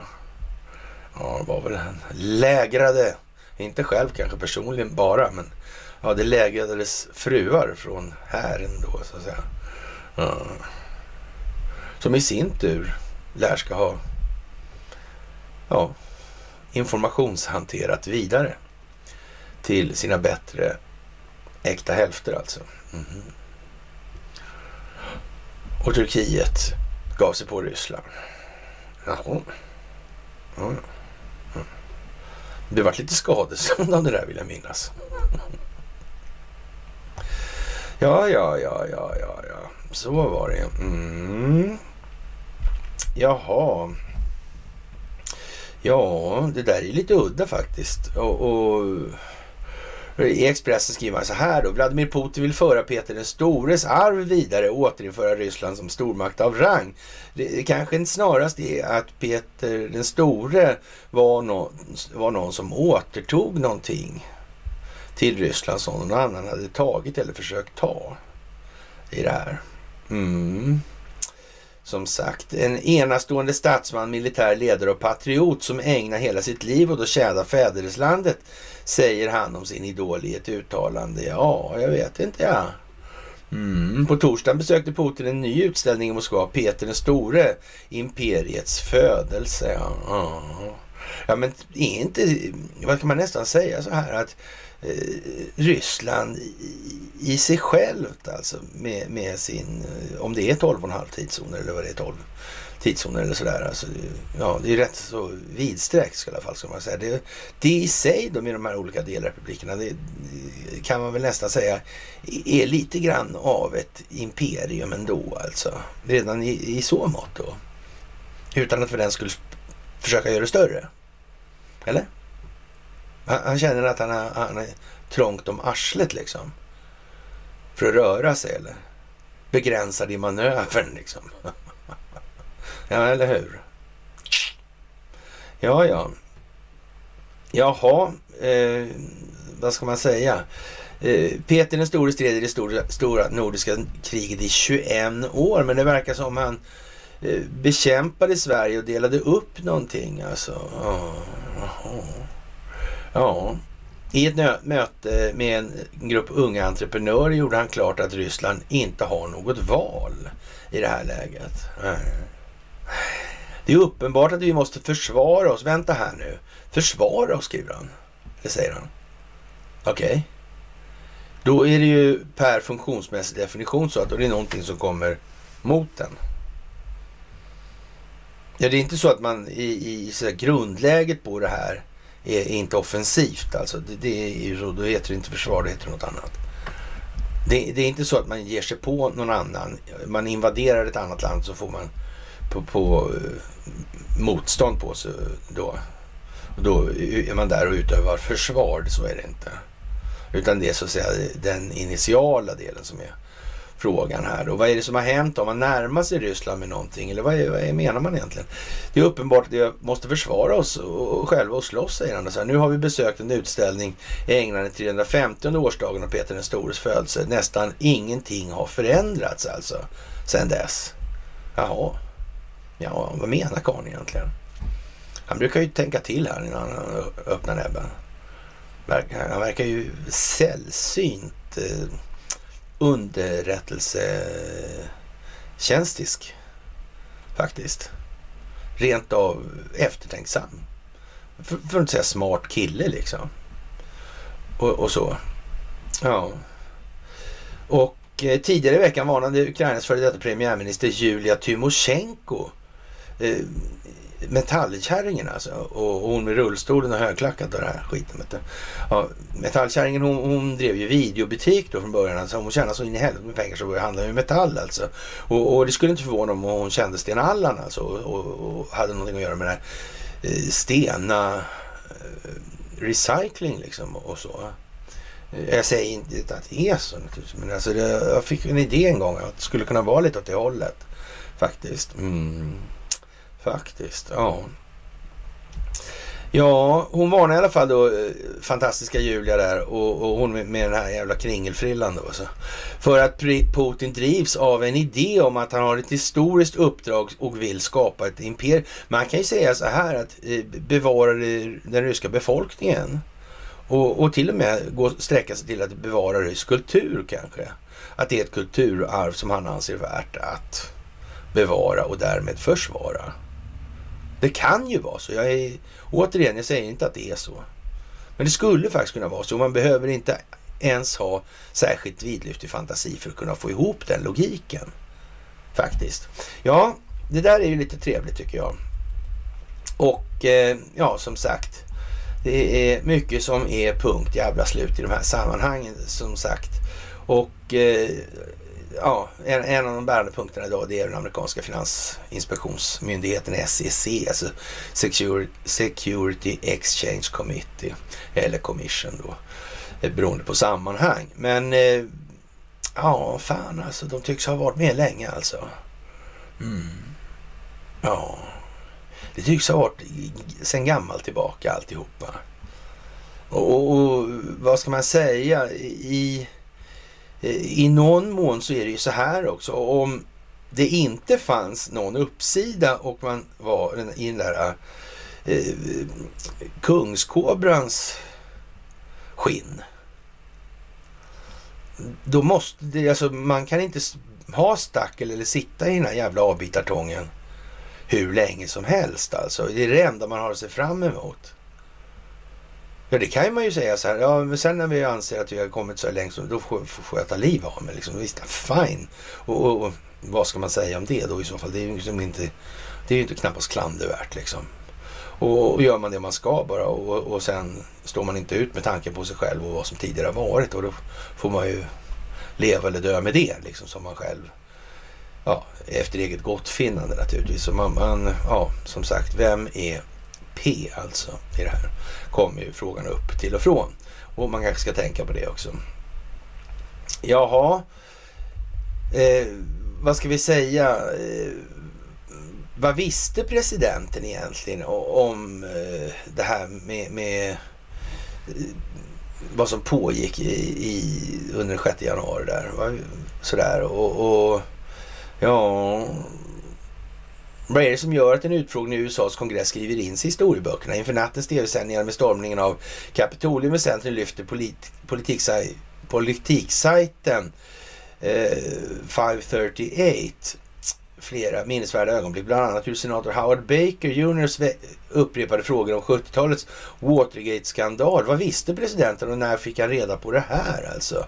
Och ja, det här är, är speciellt alltså. Hur, vad var egentligen det här med Watergate? Och vi har ju varit inne på det, alltså det här med DEA och skapandet av det och så vidare. Och det beroende som ja, underrättelsetjänstkollektivet har av och, och, inte bara underrättelsetjänstkollektivet utan alltså amerikanska, eller världens ekonomi och eh, dollarn som världshandelsvaluta har av narkodelen, alltså narkodollardelen i det här.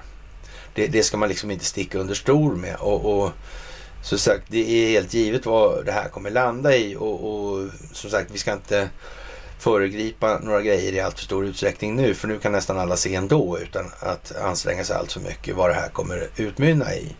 Och det är helt onödigt att nu, så att säga, ja, om, om det ska komma roliga skämt ska man inte sitta och tala om alla poänger nu helt enkelt. Så är det ju.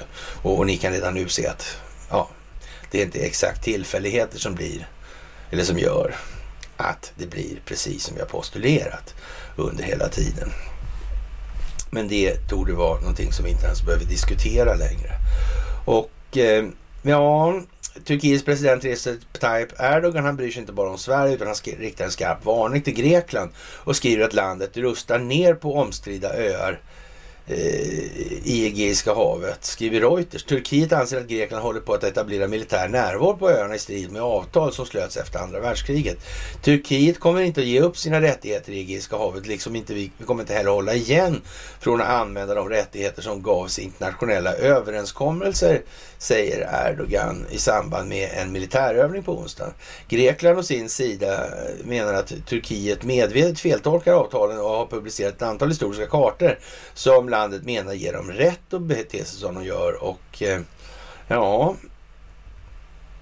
och Maggan knäpper skjortan eller blusen snett efter att ha varit på äventyr och, och Erdogan håller trycket uppe och hejar NATO då, eh, kan man väl säga.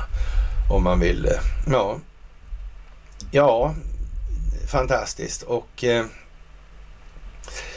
det här med att amerikanska vapen som skickas av USA hamnar på Darknet och, och det är väl sådär alltså, kan man ju tycka. Och, och, ja. Men man kan ju säga så här att eh, det vore, om, vi, om vi säger så här att vi var då en underrättelsetjänst eller sådär och ville mota den här förekomsten då så att säga. Då skulle vi rent av kunna sälja några vapen sådär för att se om vi kunde få ja, nå någon som köp, kunde köpa större volymer till exempel och vända på det här baklänges. Alltså de, de som kommer göra affärerna får vi ju tag i på en gång. Så det, det, det gör ingenting om man säljer. Då kan vi låta dem ha, ha det där vapnet en stund. Liksom hålla dem under uppsikt bara. Så där. Det är nog inga problem. Och, och skulle man kunna veckla ut det här baklänges. Mm. Vad kan det vara tanken med det här rent utav att man gör så här? Man släpper faktiskt del, iväg en del vapen den vägen. Det är ju det egna nätet, det här darknet. Alltså, vadå? Det är ju gjort för det. För att hålla på med den här typen av verksamhet. Ja, ja. som sagt, eh, pilotfacket på flygbolaget SAS varslar om strejk från den 29 juni. Förhandlingarna mellan ledningen och piloterna har brutit samman, skriver pilotfacket. Pressmeddelande varslar lämnats in till medlingsinstitut alltså. Jaha, det blir strejk, om det blir strejk påverkas upp till 250 avgångar och 45 000 resenärer om dagen.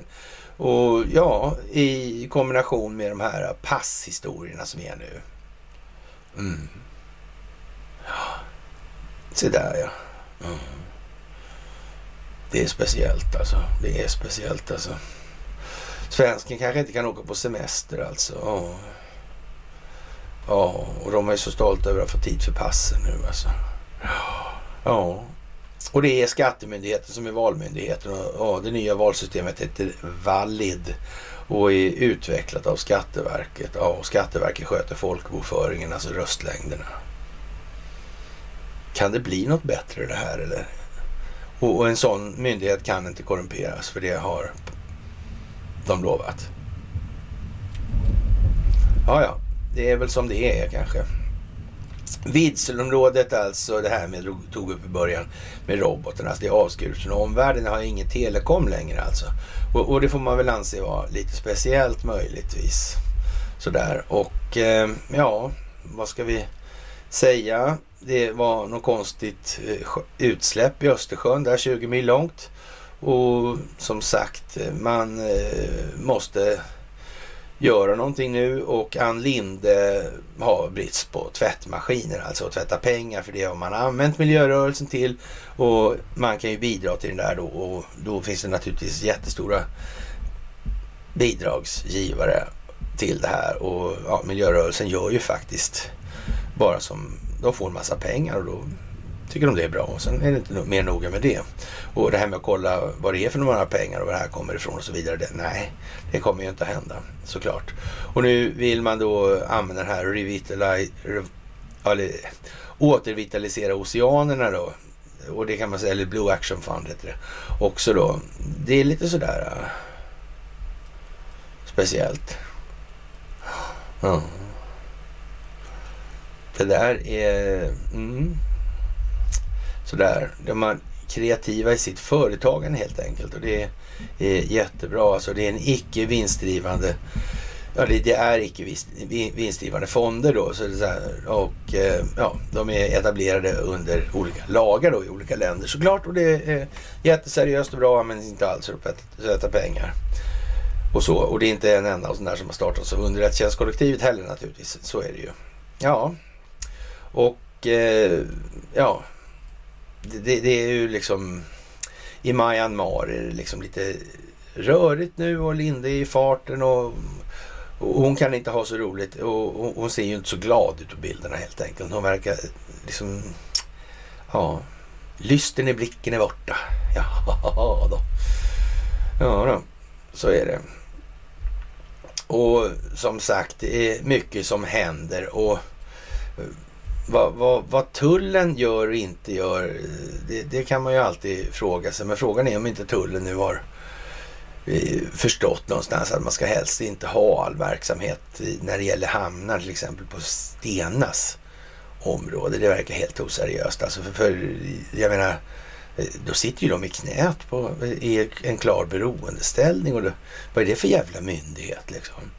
Så, som är klart beroende av ett enskilt vinstmaximeringsintresse. Det verkar ju Skitsmart helt enkelt. Bra jobbat alltså.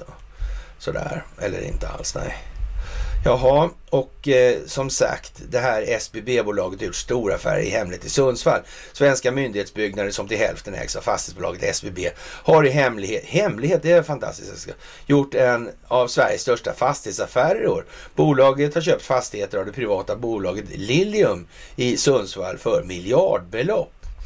Affären är totalt sett värd 2,6 miljarder. Svenska myndigheters eh, Myndighetsbyggnaders VD Fredrik Hedén uppger för DI att transaktionen ligger väl i linje med bolagets fastigheter. Fastigheter fastigheterna omfattar totalt 77 000 kvadratmeter och innehåller allt från polisen till diverse myndigheter till domstolar. Och, och flera aktörer ska ha varit intresserade av objekten. Ja, det vart inte eh, så för, en, för den sakens skull. Det var något visst med det här alltså. Och det kommer nu. just. Mm. Ja, fantastiskt. Och, och, som sagt, det skulle ju vara förargligt om det visar sig att det är mycket radon i luften nu för tiden alltså. Ja, ja, man vet ju inte. Man vet ju inte. Sådär.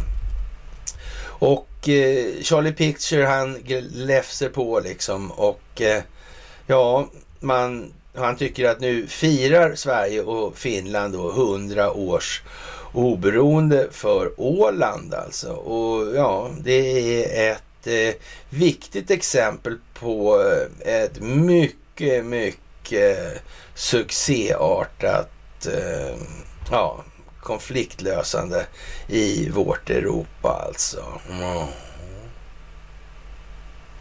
Ja, det där jävla Åland, ja det är konstigt alltså. Höll på att säga, var det inte pedofilmöte det här om året i alla fall? Det var väl nästan så. Mm. Ja, ja. Mm. Barnhem finns det någon. Han, han den där liraren där som äger. Han har någonting med, med barnhem att göra. På Grönland tror jag. Så, alltså. jag vet inte. Sådär alltså. Ja, jag vet inte. Ja.